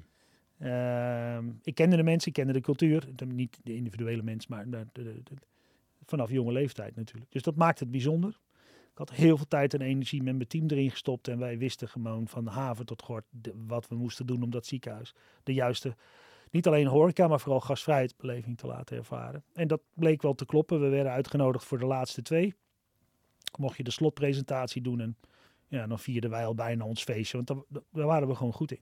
We hadden zoveel informatie opgehaald door ook gewoon in het ziekenhuis te zijn en te luisteren. Naar wat men ervan vindt, in plaats van een ziekenhuis die zegt wij denken dat dit en dit Oh ja, anders moet. Ja, ja, ja. ja. Daardoor, daardoor konden we heel goed in gesprek. ze. spionage in het ziekenhuis. Ik denk dat het common sense is, maar klaarblijkelijk was het toen redelijk opvallend dat we dat deden. Ehm, nou ja, en toen is dus het moment gekomen dat we in onze ene laatste sheet, en ik, ik, had hem al, ik was hem al aan het tellen, ik bedoel, het ging zo goed in die presentatie. nou, daar ben ik heel eerlijk in. En dat zullen de commerciële mensen ook herkennen, dat je op een gegeven moment merkt dat je in een flow zit. Dat, Mm. dat, en dat je gehoor aan het knikken is als je bevestiging zoekt, eh, meelacht als je iets humoristisch, dan, dan, heb, je, dan heb je hem. Ja. En ehm, toen moesten we nog even de ene laatste sheet behandelen. Nou ja, dat was hè, 2008 of zo. eh, nou, dat was dan maatschappelijk verantwoord ondernemen. En dan, eh, dan ging je dus je poedetlijstje opsommen. En dat deed Arno, een van mijn sales managers. Ik heb dat verhaal wat vaker mogen vertellen. Maar dat is echt natuurlijk waar we vandaan komen met elkaar. Dubbelzijdig ja. kopiëren. en- Sorry. Ja. Ja. Ja, ja. twee blaadjes naast Ja, ja, ja. elkaar. En toen werd hij onderbroken. En toen, kreeg toen kregen we de twee vragen die, die bij mij hebben aangezet. Ja, wat doe je nou eigenlijk zelf aan eh, maatschappelijke betrokkenheid, eh, Arno of Bartel of uh, Tijmen? En, en waar ben je nou trots op waar je bedrijf aan bijdraagt? Bam. Ja, ja. Ja, daar hadden we geen enkel antwoord op. Nul. Er, daar viel een hele vervelende stilte. Ja, het is dat je de de verstopplekken kende in het ziekenhuis, maar dat je, Ja, ik, had er zo, ik had er echt naartoe gewild. ja. Ja. We hebben het ook niet, uiteindelijk niet kunnen tekenen, het contract. Hmm. Ja. Maar je had geen antwoord. En hij vond het belangrijk. Nul antwoord. En wat hij gedaan heeft, ik heb hem later ook bij, bij de boekpresentatie, heb ik hem het eerste boek eh, gegeven. Dat was de voorzitter van de raad eh, van directie. En eh, ja, wat hij gedaan heeft, eh, eh, is, is niet vragen van ja, wat heb je bedacht, wat heb je ergens opgeschreven, wat heb je in beleid vertaald, maar wat zit er in je gedrag, wat zit er van binnen? En wat komt er van binnen zonder dat iemand erom vraagt. En als je nu kijkt waar we staan, ik bedoel, dat gebruik ik dan wel eens om mensen die, je kunt ook ontmoedigd raken hè, door alles wat er qua klimaat en noem maar op en duurzaamheid allemaal niet goed gaat. Maar met die houding kom je echt niet meer weg. Dit Nee. dit- en dat begint iedereen zich nu te realiseren. Dat het er echt om gaat van, joh, even los van wat ik jou vraag, waar sta je zelf voor? En eh, nou ja, dat, dat, toen kwam ik de College Kitchen binnen. En toen dacht ik, maar, maar hier sta ik voor. Dit, dit is, hier maken wij het verschil. En, en, en, en hier kan ik ook het verschil maken, hè, want dit is Hmm. factor mens. Ik ben niet zo technisch, dus ik, Ja, maar dus, en, en die, die- deze meneer was eh, z- z- zijn tijd vooruit. En Ja. Ook wel een baas die dit in zo'n proces dus belangrijk maakt. Zeker. Het was ook zijn portefeuille. Dat vond ik ook al uniek. Dat je, ja, dat, De is- CEO die, die duurzaamheid in zijn portefeuille had. ja, dat was toen niet veel. Dat gebeurde niet veel natuurlijk. Nee. Maar wat was het dan dat het je zo, los van die, je vertelde met je die aandeelhoudersdruk, er zat druk op, je wou hem graag hebben. Maar wat maakte dat het ook zo binnenkwam? Want Nou, kijk, de, de, de, de- de- wat ik zei, er zat dus veel commerciële druk op. Dus als je dan uiteindelijk veel resources hebt ingezet om hem binnen te harken en het lukt niet, dan, dan, dan is dat niet fijn. eh, hè. Je, je, je, mag, je hebt best wel, geniet best wel vrijheid als commercieel team, mhm, maar de druk op, op scoren is natuurlijk hoog. ja, En ehm, dus dat. Ehm, maar het knaagde bij mij. Ik denk, ja, dat, dat is. ja, waarom is dat? Nou ja, omdat ik dus iets zag gebeuren. In die zin ben ik altijd commercieel geweest en ben ik ook altijd gebleven. Op dat moment word je geconfronteerd met een kans of een bedreiging. En ik dacht, ik was alleen maar bezig met van, joh, hoe, wat, wat, wat- hoe komt het dat, dat we geen antwoord hebben op die twee vragen? Hoe komt het dat ik in de hele organisatie op zoek moet naar een antwoord en dat überhaupt niet eens iemand het kan geven, want we denken er niet over na. We denken dat we wegkomen met, met een sticker. Ja, Dan we- als we dit Ja. erop plakken, dan zijn we MVO. Ik, ik maak hem bewust even gechargeerd. En, en, en ik heb gewoon de mazzel gehad dat ik op binnen in die, in die tijd, dus van, van wat is hier aan de hand, de- die, die uitnodiging kreeg om, om bij de Color Kitchen eens eh, langs te komen. ja, En, en ik, nou, nou, hadden de, nou had eh, Frits, de, de, die, die wilde eigenlijk kijken of Avenans kon helpen met, met het aanloopprobleem van de Color Kitchen 1.0. Ja. Eh, maar ik, ja, ik zag helemaal geen heil in, in het helpen eh, verbeteren van één restaurant in Amsterdam. Ik, ik ging meteen aan. Ik denk, oh, maar dit is, dit is wat bedrijven nodig hebben. Dit is wat bedrijven nodig hebben die in mijn optiek die twee vragen steeds meer gaan krijgen. En het, het, het gebeurt as we speak. Hè? Het, bedrijven worden daar nu op aangesproken. Wat doet u terug richting die maatschappij, richting dat klimaat? Heeft u daar een negatieve of positieve impact op? Ja. En, en de, de- dus dat is gewoon echt mazzel geweest. Dat, en, en, en dat ze vervolgens open stonden voor het feit dat ik ze niet ging helpen in Amsterdam. Maar eh, eh, wel wilde helpen om een bedrijfscateringpoot vanuit de Color Kitchen op te zetten. En dat ik dat ook als ondernemer wilde doen. Dus ook gewoon risico wilde nemen. ja. Ja, dat, eh, dat, dat is hoe het begonnen is. Dat is nog wel een ander risico geweest voor jou dan daarvoor.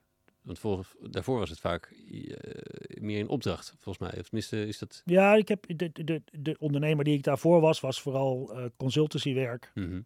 Eh, ehm, eh, in feite was dat bij Avenans ook, maar die hadden dan met klem verzocht om dat wel in, in, in loondienst te doen. Eh, dus ja, je opdrachten waren je zekerheid. En vooral die opdracht bij Defensie was natuurlijk echt een jarenlange Ja, betrokkenheid. Dus ik, ik, ik ben nooit zo goed geweest. En dat bleek ook wel daarna in het. Als ondernemer achter weet ik hoeveel potentiële leads aangaan om te kijken of je een opdrachtje eh, kunt krijgen of zo. Dat, dat, nee, dat was ik maar één keer in de drie jaar een opdracht nodig.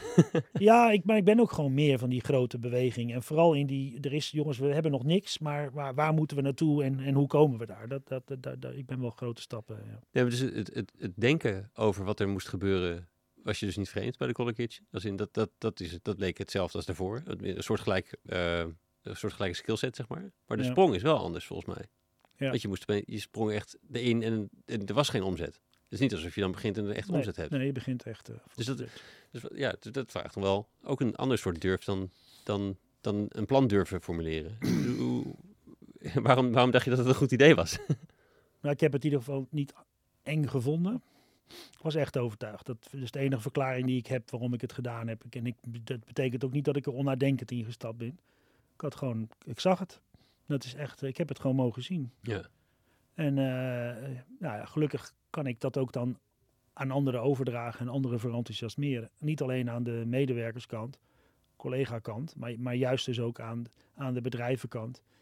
Die ik eigenlijk steeds meer heb mogen ontmoeten en steeds meer heb mogen eh, laten ervaren. Wat het betekent als je, als je het antwoord op die twee vragen als uitgangspunt neemt. Hm. En, en eh, nou, daar, zijn, eh, daar zijn steeds meer bedrijven toen, toen op aangehaakt. En eh, ik denk dat het de beste move is geweest die we ooit gedaan hadden. Hè, qua spreiding van horeca naar bedrijfskatering. Je, het spreidt je risico's ook. Maar het feit dat je via de bedrijvenmarkt dit soort thema's... en dat, dat adviseer ik drie van de vier impactondernemers die ik begeleid... of op, op colleges of wat dan ook... Eh, het, het business-to-business model voor, voor een impactbedrijf is, is in de meeste gevallen wel heel erg te adviseren. Om, ja. Mits je er B4B van kan maken. Dus die B2B moet een B4B worden. ja oké. Ja. Ja, dat zag ik bij de Color Kitchen. Ik wist, ik voelde gewoon dat er bedrijven waren. We zaten toen ook met de, met, met de financiële crisis. Ja.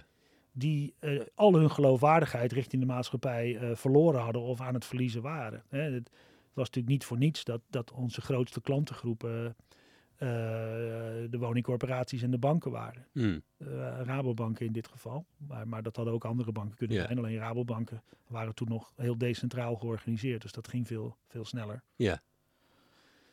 En eh, ja, die, die bedoel, een, een derivaatje, een financieel crisisje hier en daar. Het, gewoon die nutsfunctie eh, uit het oog verloren, zeg maar. Hm. Ja, en als je dan...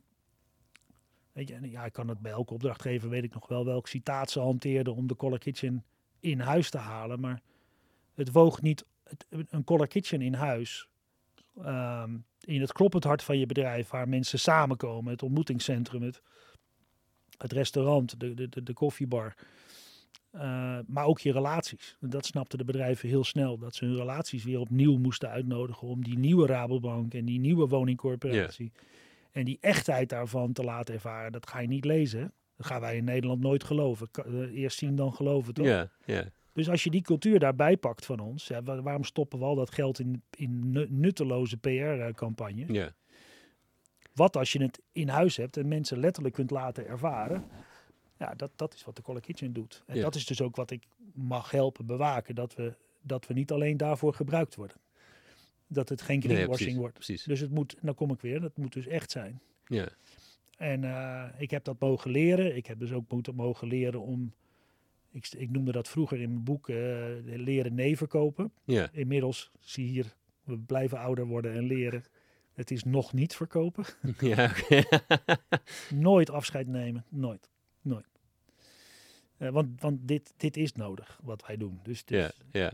nooit mensen aan, aan het gevoel geven dat je, ze, dat je ze aan de kant zet, zeg maar. Dus het is altijd nog niet. En met nog niet bedoel je, jullie zijn er nog niet klaar voor, of jullie willen het nog niet, of, of, Of wij nog niet. of wij nog niet? Kan ook, hè. Oké, ja. Maar dat geldt eigenlijk voor iedereen. Dus dat kan voor een collega betekenen die eh, bij ons coach wil worden. Ja, Eh, maar dat kan ook voor een praktijkbegeleider zijn waarvan we zeggen, joh, je hebt gewoon nog net even wat meer body nodig. Gewoon in het regulier opleiden of begeleiden voordat je.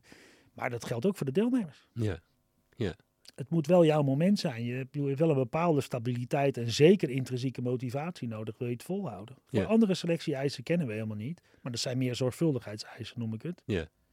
Maar het geldt zeker ook voor, maar eigenlijk voor al onze stakeholders. Dus ook voor de bedrijven waar we partnerships mee aangaan. ja, ja. ja. Dat, dat laat het Excel-management helemaal niet zien, bijvoorbeeld. De- de- de- Nee. dan, dan is het kost wat kost of zo.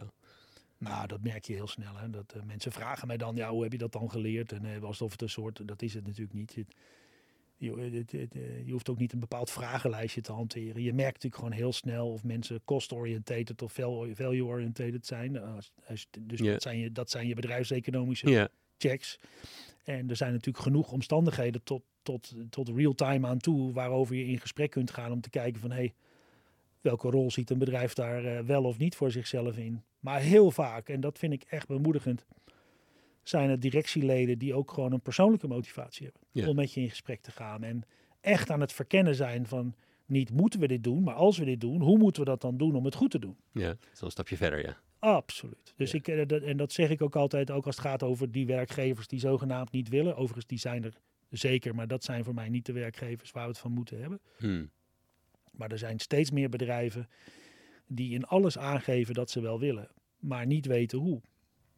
En ik denk dat daar voor impactondernemingen die in ieder geval inclusiviteit en, en social return omarmd hebben, of social impact, dat daar een ongelooflijke duurzame toegevoegde waarde voor ons zit. Ja, Als we dat stuk helpen invullen, dat ze wel leren hoe ze dat eh, kunnen doen. Ja. Ehm, nou, en dat is ongeveer wat, eh, waar wij nu zitten qua Kitchen na een jaar Ja. of 15. nee, nee, ja, als je 15... Ja, Ja, maar je hebt die, die 15 jaar moet wel iets meer uitkleden, denk ik. ja Maar- daar was ik al bang Ja, ja. Eventjes, stapje 1 was dat je erin stapte en dat, ehm die volgens mij winst was geen vies woord. Het mocht een, het mocht een bedrijf worden. Dat is, dat is in de, Winst is geen vies woord. Het Nee, maar gaat was- hoe je winst aanwendt. eh, ja. Eh, maar dat was, dat, dat was niet een norm in de sociaal impact wereld. Toen niet. Nee, Nee, dat, toen zaten we... Nou ja, sowieso was er nog geen... eh, weinig norm. ja, en ook geen definities, want die vinden we blijkbaar allemaal heel belangrijk. Wat, wat maakt jou een sociale onderneming? En dan, voor je het oppast, gaan we dat in regels vertalen. Ik weet welke mensen ik nu op de tenen ga staan. Maar als je kijkt naar wat maakt ons primair ondernemer, is dat wij iets hebben met regels, namelijk niets. Dus denk, ja, denk na, dan kom ik weer terug op dat kader. Concentreer je nou eens op het creëren van een kader. Hè? En laat die vrijheid daarbinnen gebeuren. En, en durf op intenties en principes bedrijven zich te laten verantwoorden. In plaats van over het naleven van een regeltje of niet. ja, Want dat, is, dat staat haaks op wat ondernemers gebracht hebben. Eh, want zonder dat ondernemerschap was er geen beweging op gang gekomen om impact onderdeel te maken van je bedrijfsstrategie. Ja. Sterker nog, je bestaansrecht van je Ja. bedrijf. Had je daar intern nog dingen voor de, mensen ervoor te moeten overtuigen? Dus met de club waarmee je het ging doen? Of met de mensen die er toen waren? Nou, de banken. nee, er was geen bank die ons hielp. Gewoon niet. Om Nee, iets te noemen. hoe start je dan? Maar ook in de bubbel die er toen begon te komen, eh, is het heel lang een onnodige discussie geweest. Alleen wij hebben wel altijd. ehm, ik heb natuurlijk Color Kitchen in heel veel gremia eh, mag ik vertegenwoordigen. Eh, in, in die tijd legden we het gewoon wat steviger op tafel om even te weten waar we stonden. Hm. Ehm, ehm, kijk, er zijn natuurlijk heel veel mensen met impact bezig die dat vanuit idealisme doen. En dat is, dat is helemaal goed, hè? Eh, en er zijn mensen die het primair vanuit een ehm, persoonlijke betrokkenheid doen. Dat, dat heb ik in ieder geval mijn verhaal niet mogen vertellen. Maar wel van met een zakelijke insteek. Ja. En, de, en, en zakelijk, en het, staat, het, het moet samengaan. Het is helemaal geen strijd tussen de twee. Je moet het leren balanceren. Want, en dat laat de Color Kitchen ook, ook zien. En wij zijn ook bereid om onze lessen en ervaringen daarin te delen. Heel open. Is dat je wel verantwoordelijk bent voor de continuïteit van je bedrijf. Want hoe wil je nou mensen een, een, een baangarantie geven met een programma wat ze mogen volgen. Als je niet zeker weet of je het volgend jaar er nog bent. Ik bedoel, wat is duurzaamheid? Dat het begint met continuïteit. Dat meen ik oprecht. Nee, letterlijk. En ja, dat is trouwens een goede. dus gaat het erom van, hey, hoe genereer ik reserves om het vol te kunnen houden, om door te innoveren, want de wereld staat niet stil. Ja. Ehm, en tegelijkertijd om eh, ook, eh, juist ook omdat er dus rendement is, andere bedrijven te inspireren. Dat dit dus wel gewoon een nieuw verdienmodel voor de toekomst kan zijn. Door, eh, door impact toe te voegen als uitgangspunt van je bedrijf. De, de, de wedstrijd die je alleen moet leren spelen. En nou ja, de- ik snap wat jij bedoelt met van ja, dat is dan wel lef als je met nul begint. Is dat je dus allebei, of ongeacht vanuit welke insteek je begint, je vindt iets waardevols. Hm. En ik heb collega's hier in, eh, nou, we zitten nu in Utrecht, in Utrecht mogen spreken, die dat heel erg richting het circulaire hebben gebracht. Waar we natuurlijk mee samenwerken. Als het gaat om eh, de, de, Bas en eh, met, met, met de kliek bijvoorbeeld. Ehm, en, en aan mensen die dat meer naar, naar duurzaamheid en, en een, een nieuw, new energy hebben gebracht. Wij hebben gekozen voor, voor het, het, het, het mens- en maatschappij stuk, gelijkwaardigheid, gelijkwaardige kansen, middels gewoon het eh, kunnen verkrijgen van zelfstandig eh, betaald werk. Hm. Dat vinden wij waardevol. Daar is geen discussie over. Ik weet, hè, je moet je voorstellen dat toen ik uitgenodigd werd om de eerste Color Kitchen binnen te lopen, toen was het eigenlijk van Bart kun je een keer komen, want we hebben goud in handen, maar het geld loopt er elke dag uit. Ja. En Ja. dat is dus precies achteraf gezien waar het om gaat. Je doet iets heel waardevols, goud. Maar het verdienmodel klopte nog niet van Color Kitchen 1.0. Dus het geld liep eruit. Nou, dan heb ik nieuws voor je. Dan hou je het niet vol. Hoe waardevol het ook is. Ja, ja. Hè, want we hadden al de toezegging dat, dat Maxima het tweede restaurant zou komen openen. Nou, als je Maxima voor de opening van je restaurant krijgt, dan hoef je niet te twijfelen of je goud in handen hebt. Nee. Tenminste, dan, dan ben je wel een heel vreemd ondernemer als je, als, je, als je dan niet durft door te pakken, zeg maar. Maar ja, als je dat doet met een verdienmodel waar het geld dus elke dag feitelijk tekort komt. Ja, dan red je die Of tot, aan- tot de opening. Ja. Ja. En, en, en dat is dus de wedstrijd die we met z'n allen moeten leren spelen. En daar moeten we veel beter samenwerken. En dat zie ik nu wel op gang komen. In ieder geval willen wij daarop aangesproken worden, dat wij onze kennis en ervaring delen. Eh, is dat je dus ehm, je impact die je maakt ook, ook tot waarde moet zien te brengen. Het is gewoon van meerwaarde. Ja. Leuk, daar hadden we het net over. Value-based. En, en zoek dus ook de omgevingen die, die daarnaar op zoek zijn. En je als eerste in staat stellen om te zeggen van... joh, maar dit, dit hier, hebben, hier hebben wij ook baat bij. Het is niet alleen die catering die ik aan jou betaal... maar jij levert ook gewoon... Nou, neem maar even de woningcorporaties. Jij levert gewoon imagoverbetering voor ons. Bijvoorbeeld. Ja. Om maar even iets te noemen wat je tot waarde kunt brengen. Want dat Ja. betekent veel minder PR-uitgaves... en nog betere PR-invulling ook. En volgens mij, eh, Formaat is onlangs natuurlijk ingestapt. Dat levert ook gewoon nieuwe mensen op. Formaat is de partner geweest die ons bij de doorstart geholpen heeft. Ja. Inmiddels, we, en natuurlijk hebben we daar met hun als eerste over gesproken, maar hebben we, eh, hebben we doorgepakt en hebben we een, een, een exclusief partnership met, met, met de Kompas eh, groep. Hm. Eh, waar, ik, waar ik vroeger ook nog een paar jaar eh, de horeca eh, voor gedaan heb. Eh, juist om, om vanuit samenwerking nog veel meer impact te maken. En, en ons als Color Kitchen juist dat te laten toevoegen wat er nog niet kan zijn en ook nog niet hoeft te zijn bij zo'n grote corporate. Ja. En dat maakt ze veel minder kwetsbaar, maar het maakt ze veel sterker in. Joh, maar samen met de Color Kitchen gaan wij wel die weg naar die inclusieve organisatie toe van minimaal 30%. Hè? Minimaal 30% inclusieve bezetting. Mm. En, eh, en als je dat dan met een organisatie doet, die alleen al in Nederland tijdens corona, ik weet niet eens hoe ver ze nu alweer zijn, maar toen al ruim 2000 mensen in dienst had. Structureel 280 vacatures, eh, 270 vacatures had. Ja. Ja, dat, dat was voor ons de reden om te zeggen van wow even. Ja, dus om, om een soort van, je moet een soort eh, k- eh, kenningje maken met, met, stakeholders die dan, waardoor de waarde steeds Ja. Voor de, voor de Ja. volgende in de, in, de, in, de, in de reeks weer waardevol is. Of de, de maatschappelijke waarde ook economische waarde kan worden.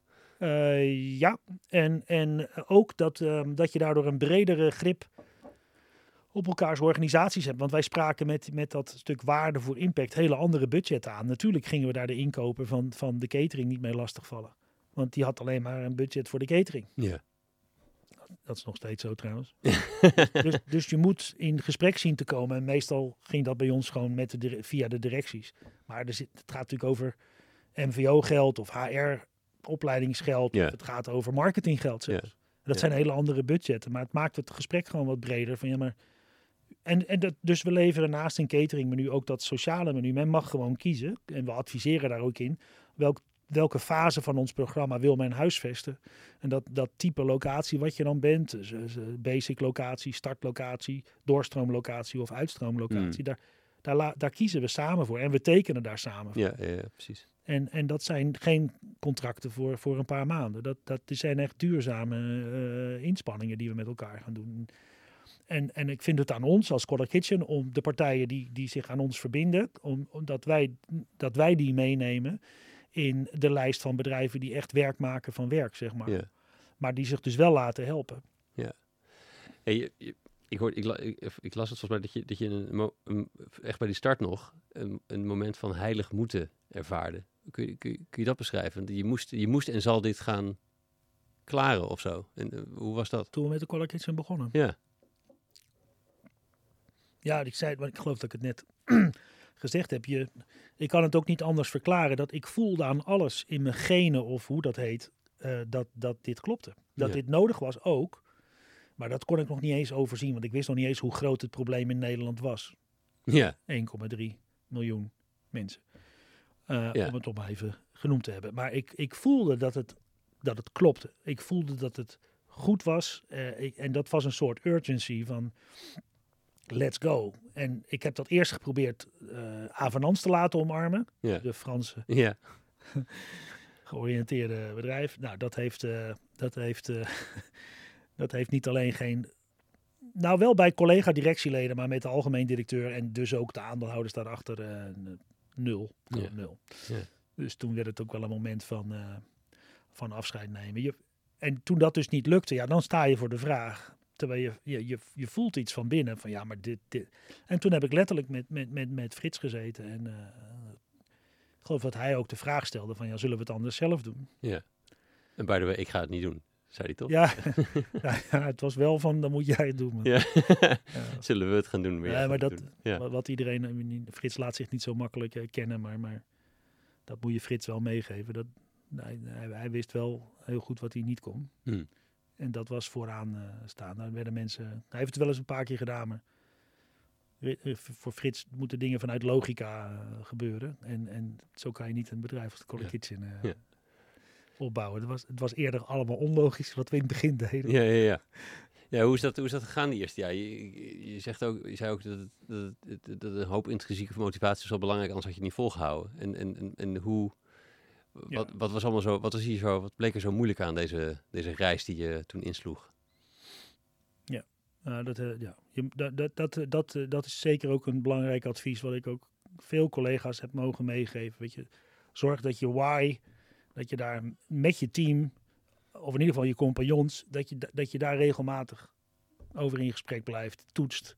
Want Ja. je, je komt elkaar, nou elkaar, maar je komt gewoon echt een paar keer in dingen tegen. Zeker wij toen, hè, bedoel, we hadden geen enkel voorbeeld. Dus het is allemaal trial and error eh, geweest. Ehm, een, een, een, een financiële eh, bankenindustrie die je niet ziet staan, die niet in je gelooft. Ehm, dat die intrinsieke motivatie, die wordt gewoon getest, laat ik het zo zeggen. En, en dat maakt ook of je weet of die sterk genoeg is. Eh, maar als je daar doorheen komt, dan heb je ook iets in je waar je anderen echt mee kunt inspireren en, en tot samenwerking of wat dan ook kunt brengen. Daar ben ik Ja. heilig van overtuigd. Ja. Dus ja, wat, wat zijn wij tegengekomen? Letterlijk alles. Eh, tot op, eh, weet je, dat je ineens met een gemeente, eh, omdat je een, een, een formulier niet goed hebt ingevuld, ineens geen deelnemers kreeg. Want het proces is natuurlijk heel belangrijk in Nederland. Ja, eh, of een, en, en, en een, een, een van de eerste managers die, die al na twee maanden, want we moesten altijd opstarten, voordat er deelnemers waren, al, al, al bijna ja, in tranen was van "We- ik, ik, ik ben niet gekomen voor, voor, voor die deelnemers en ze zijn er maar niet en ik loop hier alleen maar koffie of, of broodjes te serveren. En dan word je ook geconfronteerd met, met wat dus de echte intrinsieke motivatie van je collega's is. En, en, en, en dat blijkt ons dus te binden. En daar moet je dus rekening mee houden. Hmm. En ehm, dat herken ik dus bijvoorbeeld. Ik, heb, ik was laatst vorige week bij collega's van me ehm, eh, in een hele andere bedrijfstak, maar, maar ook gewoon eh, social, eh, sociale onderneming. En nou, ook, ook van het eerste uur. En die hebben op dit moment een outlet waar ze bijna geen deelnemers hebben. En, en, en het- ze zien hun, hun mensen daar, eh, hun professionals, Ja, ja, ja. zien ze daar onder, onder, onderdoor gaan. Nou, ja, dat herken ik heel erg. ja.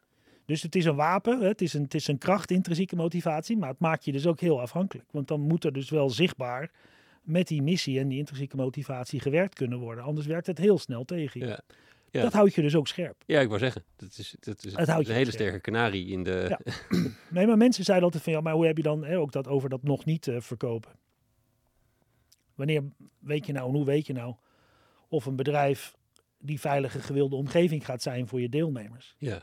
Maar ja, door goed in gesprek te blijven met je organisatie, ook met je deelnemers, kom je er heel snel achter dat zij dat binnen twee minuten al weten. Hmm. Eh, als ik iets geleerd heb over, naast dat ik vooroordelen heb, maar over, is dat we de sociale intelligentie, juist van ongekend talent, Hmm. mensen met een afstand tot de arbeidsmarkt, Ja, ja. overigens, het is de markt die een afstand heeft tot de mens, dan hebben we dat ook maar vast gehad. Mooi, Maar mooi. de sociale intelligentie wordt structureel onderschat. Als Ja. jij niet elke week weet waar je eh, eh, komt te slapen of kunt slapen.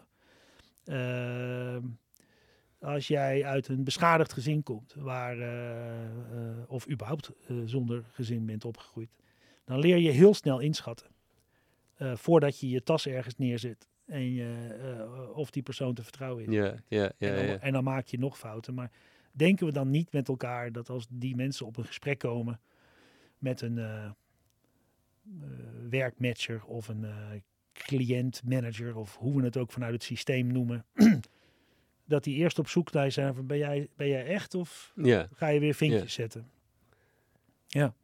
Ik weet niet waarom ik afdwaalde, maar Nee, ja, d- ehm, ja, intrinsieke motivatie en echtheid zitten heel dicht bij elkaar. Ja. Het maakt je sterk, maar het kan je ook zwak maken Ja. als dat niet in... eh, nou ja, dus, dus hoe, in het nevenkopen ben ik nog wel benieuwd. Hoe, hoe zorg je... Ik, ik nog niet. nog niet, nog niet verkopen. Nog niet. Nog niet, ja, ik heb het nog niet helemaal in de vinger. Ik ook niet. Ik ben net aan het Ja, leren. ja, ja, precies. In het boek staat, eh, staat ook nee. eh, in het nog niet verkopen. Is het, hoe, hoe, want je hebt eh, ook de drive om wel het willen uitbreiden, meer mensen te kunnen helpen. Dat doen we ook. Ja, maar in het, in het nog niet klinkt is ook heel verleidelijk om dan te zeggen, laten we maar toch wel. Want dan heb je een nieuwe locatie. En dan heb je, Ja, maar je, kijk, het nog niet wordt altijd onderbouwd. Ook het nog niet wordt onderbouwd. En of dat nou voor een deelnemer is of voor een commercieel voorstel waarom we zeggen maar nog niet. ja, Maar meestal los je dat op met een uitgestelde planning. ja. Dat is, maar dat, ja, daar ben ik, dat is maar even. Ja, dat mag. Maar je wilt nog- toch ook sneller? Dus dat is Ja, maar alleen als klopt. Want Ja. het gaat niet werken. Wij werken in ketens en die locaties zijn op elkaar aangesloten. Dus die moeten blind kunnen gaan op het feit dat als de persoon naar mij toe komt, voor mijn fase, dan hebben ze aantoonbaar een aantal stappen daarvoor doorlopen. Ja, dus En die geen- stappen gaat men pas doorlopen als men zich veilig en gewild voelt en gezien voelt. Ja, Dat- als het daar niet kan, moet je dat niet in de keten zetten.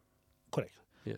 Dus, dus dat is mijn, mijn taak, dat, dat ik gewoon erop moet helpen toezien dat, dat wat we aansluiten klopt. Ja, En dat hoeft nou juist niet in het volgen van. da- daar zit juist heel veel diversiteit, maar niet op intrinsieke motivatie. Hmm. Kan gewoon niet. Ik zie de tijd vliegen. Oh. Ehm, helaas. Eh, ik ben even benieuwd van het. Even denken. Het, ehm, er kwam een moment aan dat jij realiseerde dat, je, dat, je, dat, je, dat het te veel op winkel passen werd dan winkel uitbouwen. Bouw, bouw, waarschijnlijk iets, van, iets met bouwen. Eh, Mhm. waar, waar begon je dat aan te zien? En, en, en hoe, ben je, aan- hoe ben je gesprekken gaan aanknopen om, om hier het over te gaan hebben? Nou, dat is niet de leukste periode geweest. Hmm. Laat ik daar niet omheen draaien. Dat, eh, Waarom was het niet leuk? Omdat die gesprekken geforceerd werden Door? door, door eh, binnen ons bestuur, door de aandeelhouders, eh, raad van commissarissen, die we inmiddels ons hadden aangemeten. Eh, natuurlijk is Bartel de de type ondernemer, dat heb ik zelf al gezegd, die vooral in die pioniers, in die bouwfase van meerwaarde is. Dus we waren al in gesprek over het feit dat mijn takenpakket uh, anders zou moeten. Of toen we besloten om in 2017 de grote groei te consolideren. Hè, 26 locaties, ruim 8 miljoen, ruim 200 deelnemers per jaar door de deuren, door de programma's heen. Maar wat we daar, maar ja, daar is dan helaas een eh, faillissement voor nodig geweest. Eh, en anders was ik ook niet teruggekomen. Er is ook nog zoiets als een founderrol.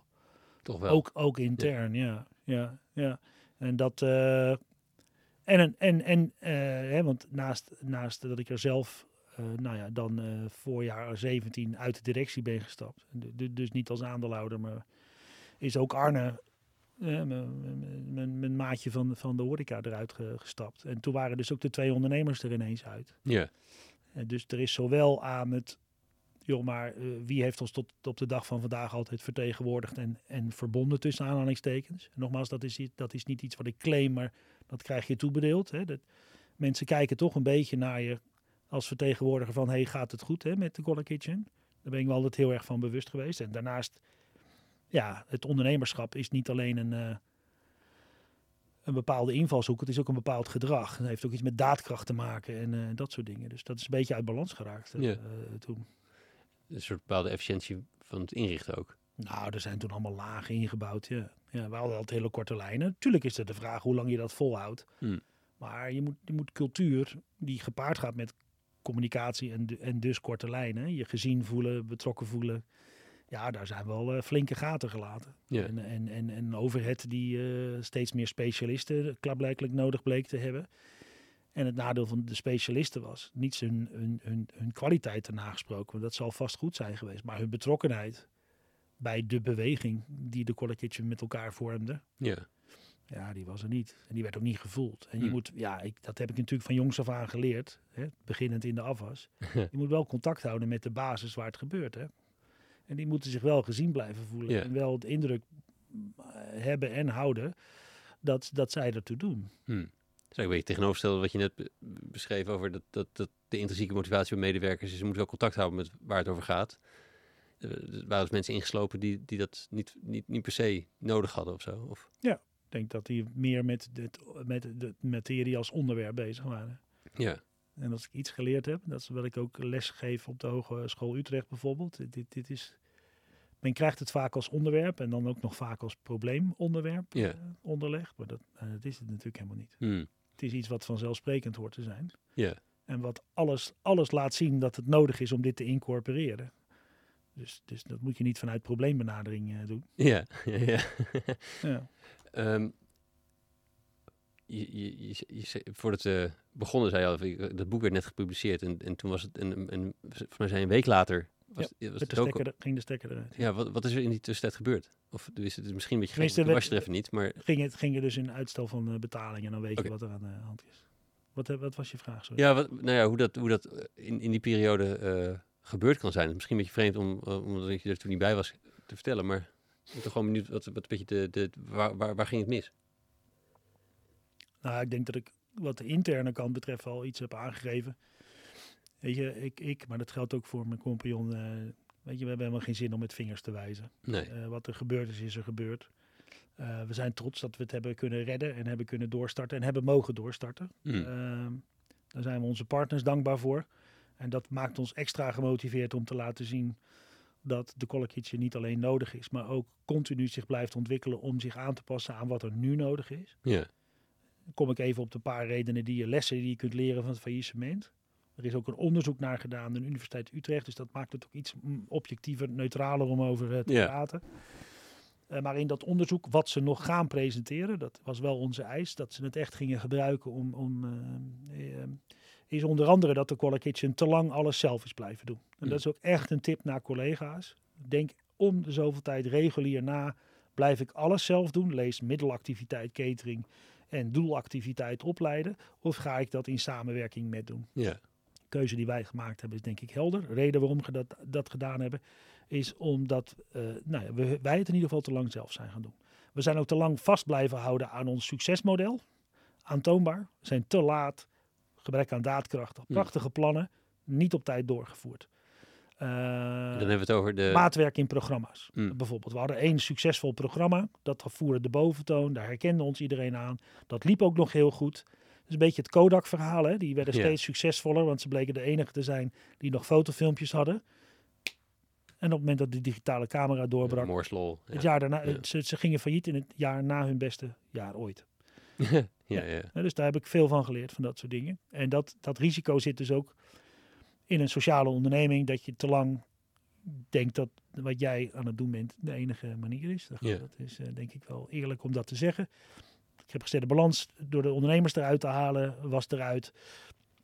Het aandachtsbeleid gekoppeld aan, aan, eh, tot aan de founder aan toe, eh, interne betrokken. Ik denk dat intern echt geïmplodeerd is wat dat betreft. Dat mensen passief werden in plaats van proactief. Eh, geen kansen meer grepen, maar angstig werden. Van, van, want er kwamen ineens allemaal regels. Wat op zich helemaal niet verkeerd is. Maar denk na over hoe je die implementeert. En hoe je die mensen die regels laat omarmen. Mhm. Omdat ze eigenlijk hun faciliteren. Maar heeft alles te maken met hoe je dat doet. Eh, en uiteraard zijn er eh, ja, beslissingen, vooral op overheidsniveau, genomen. eh, waardoor er een, een, een, een dusdanige kostenoverstijging versus de, de, de inkomsten is gerealiseerd. ja, dat, dat, maar dat dat allemaal in één jaar tijd is gebeurd, dat weet, daar hebben wij geen verklaring voor. Nee. Eh, want we, we, we weten nog heel goed eh, hoe het eerste jaar na ons vertrek eh, is afgesloten.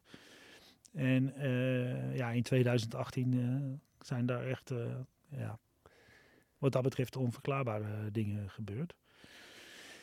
Maar goed, weet je, daar kan je in blijven zitten. Dat was ook wel even shit, eerlijk gezegd. het was wel even heel zwart. Vooral als je weet dat je kindje, want dat is het toch een beetje, dreigt op te houden je, je pensioen, eh, maar dan ook echt volledig eh, eh, weg is. een van de redenen waar, waar, je als ondernemer natuurlijk voor kiest. Om, om je, in je bedrijf in ieder geval dat op te bouwen. Mm. Ja, kun je natuurlijk ook gewoon bij Pride pensioen voor een deel doen, maar ja, maar goed, ik had ervoor gekozen om, om dat. En ik denk dat dat voor veel collega's geldt. Dat je gewoon zo gelooft in, in je bedrijf. Dat je ook, even als het gaat over die winstdiscussie, mag ik dan van die winst misschien een stuk reserve ook voor mijn eigen oude dag genereren. Dat is ongeveer het. Als je het elk jaar al inhoudt, ook goed. Maar dan doe je dat dus ook ten koste van een resultaat. Je moet het toch eerst verdienen. Ja. Ehm, ehm, dus, dus eh, we- afijn, we, hebben, we hebben ons daar uit weten te trekken. We zijn gebeld geworden en ik ging met opdrachtgevers in gesprek. En toen zij aangaven, joh, maar wat betekent dit voor onze deelnemers? Ze maakten zich niet druk over hun Mm. catering, over hun broodje kaas, ja, ja, ja, ja. maar over hun deelnemers. Dus ze hadden het al lang omarmd en daar geloof ik in. Hè. Ja, mooi. We gaan van, zichtbaar, eh, van het zichtbaar maken naar omarmbaar maken. Dat, dat is wat we doen als, Ja. als ja, toen hebben we een doorstart gedaan, waardoor we van omarmbaar zelfs naar opvolgbaar zijn gegaan. Door dat Academy-model en dat samenwerken met centraal te stellen. Waarbij we de eigen locaties nodig blijven hebben. Want je moet het laten zien.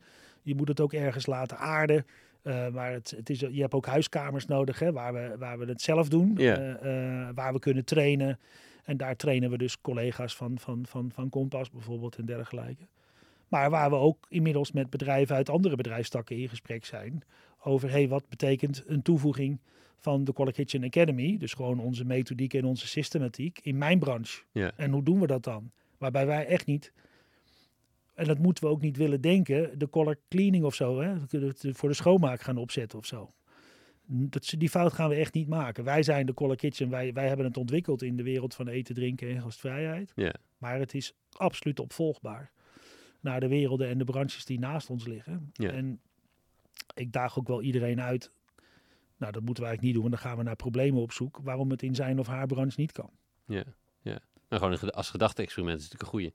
Ja. Ja, leg maar eens uit waarom het niet kan. Ja. Ja, maar dat is ook precies hoe ik de eerste Rabobank heb gekregen. Dat Ja. de directeur opstond in zijn tenderboard team van jongens, leuk al die scorelijsten, maar we hebben er nog twee. Eh, dit is onze missie als Rabobank. Had iets met midden in de samenleving te maken, ik weet niet. hè. En die hield dat op en die zegt, ik heb even de missies van eh, nou, onze, onze conculega en, en, en, en de Color Kitchen erbij gepakt. Kan iemand mij vertellen waarom wij geen zaken moeten doen met de Color Kitchen? Ja, Mooi. Ja, ook, ook weer zo'n baas. ook weer, ook weer zo'n baas, ook Ja. weer zo'n omdraaier. En die, ja, die heb ik Die heb ik, die heb ik op alle samenwerkingslocaties van de Kitchen heb ik die mogen ontmoeten. As we speak, dat, tot op de dag van Ja, vandaag. Dat, ja. dat zijn melden, eh, mensen die het omarmen. Ik heb nog een paar vragen. Drie voor je. De ene is, wa- wat is nou de motivatie om dan terug te gaan? Is, het, karak- is dat een ander soort motivatie dan waarmee je startte? Om, waar, om terug te komen? Is dat, is, kan je die anders karakteriseren? Ja, dus sowieso kwam ik uit een hele zwarte periode natuurlijk. Hè. Ja. Er is even alle perspectief weggeslagen. Er was een soort veenbrandje. Ja. die, eh, die ging gewoon niet uit. En door, door contacten met mensen van binnen en van buiten de organisatie wordt dat aangewakkerd. En eh, ja, dan blijkt dat het eigenlijk een beetje onlosmakelijk eh, aan je vastzit. En dat je. Dat je, dat je, dat, dat, dat, dat het, en ik bedoel, de Color Kitchen is nodig en, en klaarblijkelijk ben ik nodig en ben ik Alleen niet meer eh, in dezelfde rol als, als, als toen. Hè? Dus ik, ik ben, ik, natuurlijk ben ik het gezicht en ben ik de founder. Maar ik, ik ben me heel bewust van het feit dat ik in deze jaren ook, en dat, dat ook niet in een paar maanden, maar in deze jaren ook ruimte maak voor mijn compagnons en voor anderen die, die, die eh, zo, zoals zij het dan zeggen, eh, de vaandel willen helpen dragen. Want ik ga dat echt niet meer in mijn eentje doen. Nee, dus dat is wel echt anders. Ja, Ja. ben het echt, dat, dat, geldt, dat samenwerken geldt ook weer voor alles. eh, Ja, ja, ja. Nee, dat is mooi. dus dan, maar dat is voor mij natuurlijk wel een proces, dat zul je begrijpen. Ik bedoel, dat, daar moet ik, en dat snap, dat vind ik ook fijn, dat we in ons, in ons nieuwe team, dat we elkaar daar ook naar naartoe laten groeien, zeg maar. Weet je? En niet vanuit een soort geforceerd model van nou hier moeten we naartoe en we stellen nu een datum. Dat hoeft helemaal niet. nee. Dat is helemaal niet nodig. Maar wel, wel een soort van waar je achter kwam hoe onmisbaar het bleek. Nu te kijken of, hoe- of je het misbaar kan maken op een termijn. Ja, weet je, je, je- ik weet nog dat we de eerste personeelsbijeenkomst hadden toen we de doorstart voor elkaar hadden. En we dus het gros van de mensen behoud van werk alleen al konden bieden. Eh, niet allemaal op Color Kitchen eh, locaties, maar anders bij Formaat toen. Ja, dat ik het woord eh, kreeg nadat eh, Rick, eh, de CEO van Formaat, ze welkom had geheten. Nou, de emoties van bijna eh ruim 100 collega's. Mm, Van het elkaar wederzien. Hè. Ze hadden me twee jaar niet gezien het vertrouwen wat je krijgt. Dat mensen je gewoon aanschieten van Bart, toen we hoorden dat jij terugkwam, was het goed. Hm. Dan, ja, dan spreek je mij en dan, daar begon ons gesprek geloof ik mee op dat dan ontzettend op mijn verantwoordelijkheidsgevoel aan. ja, bastards. Ja, en daar, daar ben ik dus mee aan het dealen in de zin van dat ik Mm. tegelijkertijd wel ruimte moet, eh, moet laten en daar niet eh, bovenop moet zitten. En maar die rol mag ik ook een beetje hebben. Ik ben natuurlijk de oudste van het stel. Ik heb alleen maar hartstikke hele jonge, fitte, gedreven eh, collega's waar ik elke dag mee mag werken. Maar Ja, begint dat nu, dat verantwoordelijkheidsgevoel, misschien eerst een plicht is, begint dat nu als, een, als we iets mogen doen te voelen? Is het dan omdraaien? ik ben me nu meer bewust ervan en ik ben meer bezig met hoe daarmee om te gaan. En dat probeer ik eh, met de anderen te delen, zeg maar. En, eh, niet, niet als onderwerp op de agenda, maar gewoon door te zijn wie je bent. En het soms is eh, te laten vallen of soms is even niet te doen wat men van je verwacht. Kijken Ja. wie, er, eh, Ja. wie er wat oppakt. We, hadden, we noemden het in het begin ook een beetje over het, over het verantwoordelijkheidsgevoel. Want ik, was, ik, ik zei toen, ik was wel benieuwd in de, in de reis er later, hoe je, steeds, hoe je bent gaan leren dan ook eh, ruimte voor jezelf of, of, of voor jezelf te gaan zorgen. Is dat, zijn daar momenten van hoe je dat... Dat is een, dat is een, dat, dat is, daar heb ik heel lang niet over nagedacht. Ja, Sterker nog, gewoon een hele lange tijd gewoon slecht voor mezelf gezorgd. Eh, hè, dat, begint al met eh, dat ik me zeker de laatste jaar eh, bewust ben van, van wat ik van als, als 14-jarige gewoon niet heb toegelaten. ja, Een stuk verdriet, eh, stuk dealen met dat verdriet. eh, een soort rots die je dan maar wordt voor de buitenwereld. Want, want die hebben het al zwaar genoeg. ja, ja. Ehm, ik denk dat ik. eh, ik denk eigenlijk wel dat ik heel blij ben dat ik gewoon van nature iemand ben. Zoals het laatst tegen me zei: joh, jij bent een deler. En ik, ik, ik, zorg, ik kijk eerst naar de ander en dan naar mezelf. En daar, zit, daar komt alles in terug van hoe ik ben opgevoed, wat ik heb mogen leren vanaf jongs af aan. Ook door soms hele traumatische ervaringen. Kijk, voor mij ik hanteer hem niet meer, maar ik beschrijf dat eh, eh, elders in, in mijn boek of in een interview. Is de, ik ben ooit enorm geraakt door die uitspraak van Nelson Mandela. Dat hè, aan het, aan, uiteindelijk je leven wordt bepaald door, door, ik citeer hem niet helemaal correct hoor, maar dat, dat je, de kwaliteit van je leven wordt bepaald door, door wat je het betekent in het leven van een ander. Mhm. En ja, daar, daar, daar, eh, daar ben ik door de Collar Kitchen zo verschrikkelijk van doordrongen geraakt. En ik ben zo blij dat ik bij dit bedrijf betrokken ben en daar gewoon in de wetenschap dat we dat elke dag, met alle tegenslagen die we ook hebben, en niet elke, bij iedereen even succesvol elke dag, maar dat we dat gewoon doen. En dat we daar gewoon met een steeds groter aantal mensen vanuit een overtuiging en een intrinsieke motivatie doen, waar we weer anderen mee eh, het, dat stapje kunnen laten Ja. zetten. Dat is gewoon heel mooi. En het deel, nou ja, we hadden het over winstdeling, maar het gaat hier eigenlijk, het gaat ook een beetje ook, eh, mag, mag, de ruimte voor jezelf is ook een soort winstdeling hier. En niet, niet alleen wat je betekent voor een ander, maar mag ook iets betekenen voor jou, los Ja, van de lol en de voldoening die het geeft. Maar Ja, ja, ja. de ruimte zit voor jezelf. Ja, dat zat natuurlijk al deel in je vorige vraag, excuus. Maar eh, ja, ik ben me daar. eh het moet hier goed in balans zijn. En Hmm. ehm, ik heb veel gevraagd ook van het gezin met de Collar Kitchen. Ehm, nou, daar voel ik me dus ook wel weer heel verantwoordelijk voor. Maar ze zien ook, en dat, dat zij zijn de eerste die me dit wij- eigen hebben gemaakt. Dat ze gewoon, ze zitten er zo, hebben er zo dicht op gezeten en nog steeds dat zij ook mij geleerd hebben wat ze gewoon zien wat het met mij doet. Hmm. Gewoon als mens. Hmm. En, en eh, het is, het is, de, de, de Collar Kitchen is prachtig. En nou, je, je- je- het, het, we maken echt het verschil, zeg maar. Maar er is ook gewoon ruimte nodig om, om, om afstand te nemen soms. En eh, even te mijmeren over, hey, eh, wat betekent dit voor mij? En waar, waar, waar, waar wil ik zelf naartoe? Als ik, als ik er al over begin, dan denken sommigen van mijn, eh, van mijn directieteam van, dat hij met zijn pensioen bezig is. ik bedoel, ik ben straks 59, daar ben ik echt nog niet mee bezig. En voorlopig zal ik mijn hele werkzame leven nog moeten doorwerken om, om, om mijn pensioen te herstellen. Tenminste, daar, daar ben ik wel op ingesteld. Maar het, ik, het, het is ruimte geven. Het is Ja. ruimte geven aan anderen en dan kan je ook ruimte voor jezelf nemen. Mm. En eh, ja, dus dat, eh, dat is ongeveer waar we staan. eh, Ja. Ik ben benieuwd hoe het gaat lopen. Ik ook. Ja, maar het voelt goed. Ja, dat is fijn. Ehm, het is een mooi einde eigenlijk al. Ik, zit, ik, ik, stel vraag altijd, wat, wat inspireert jou? Je hebt natuurlijk heel veel, aan elke gast vraag ik, wat, wat is iets wat, die, wat hem of haar inspireert? Wat, eh, wat, wat je eigenlijk een, andere ondernemer zou aanraden misschien zelfs, om, eh, om ook tot zich te nemen. Dan wel boeken, muziek of een ervaring of een instelling of uh, een manier van kijken. Wat is dat voor jou?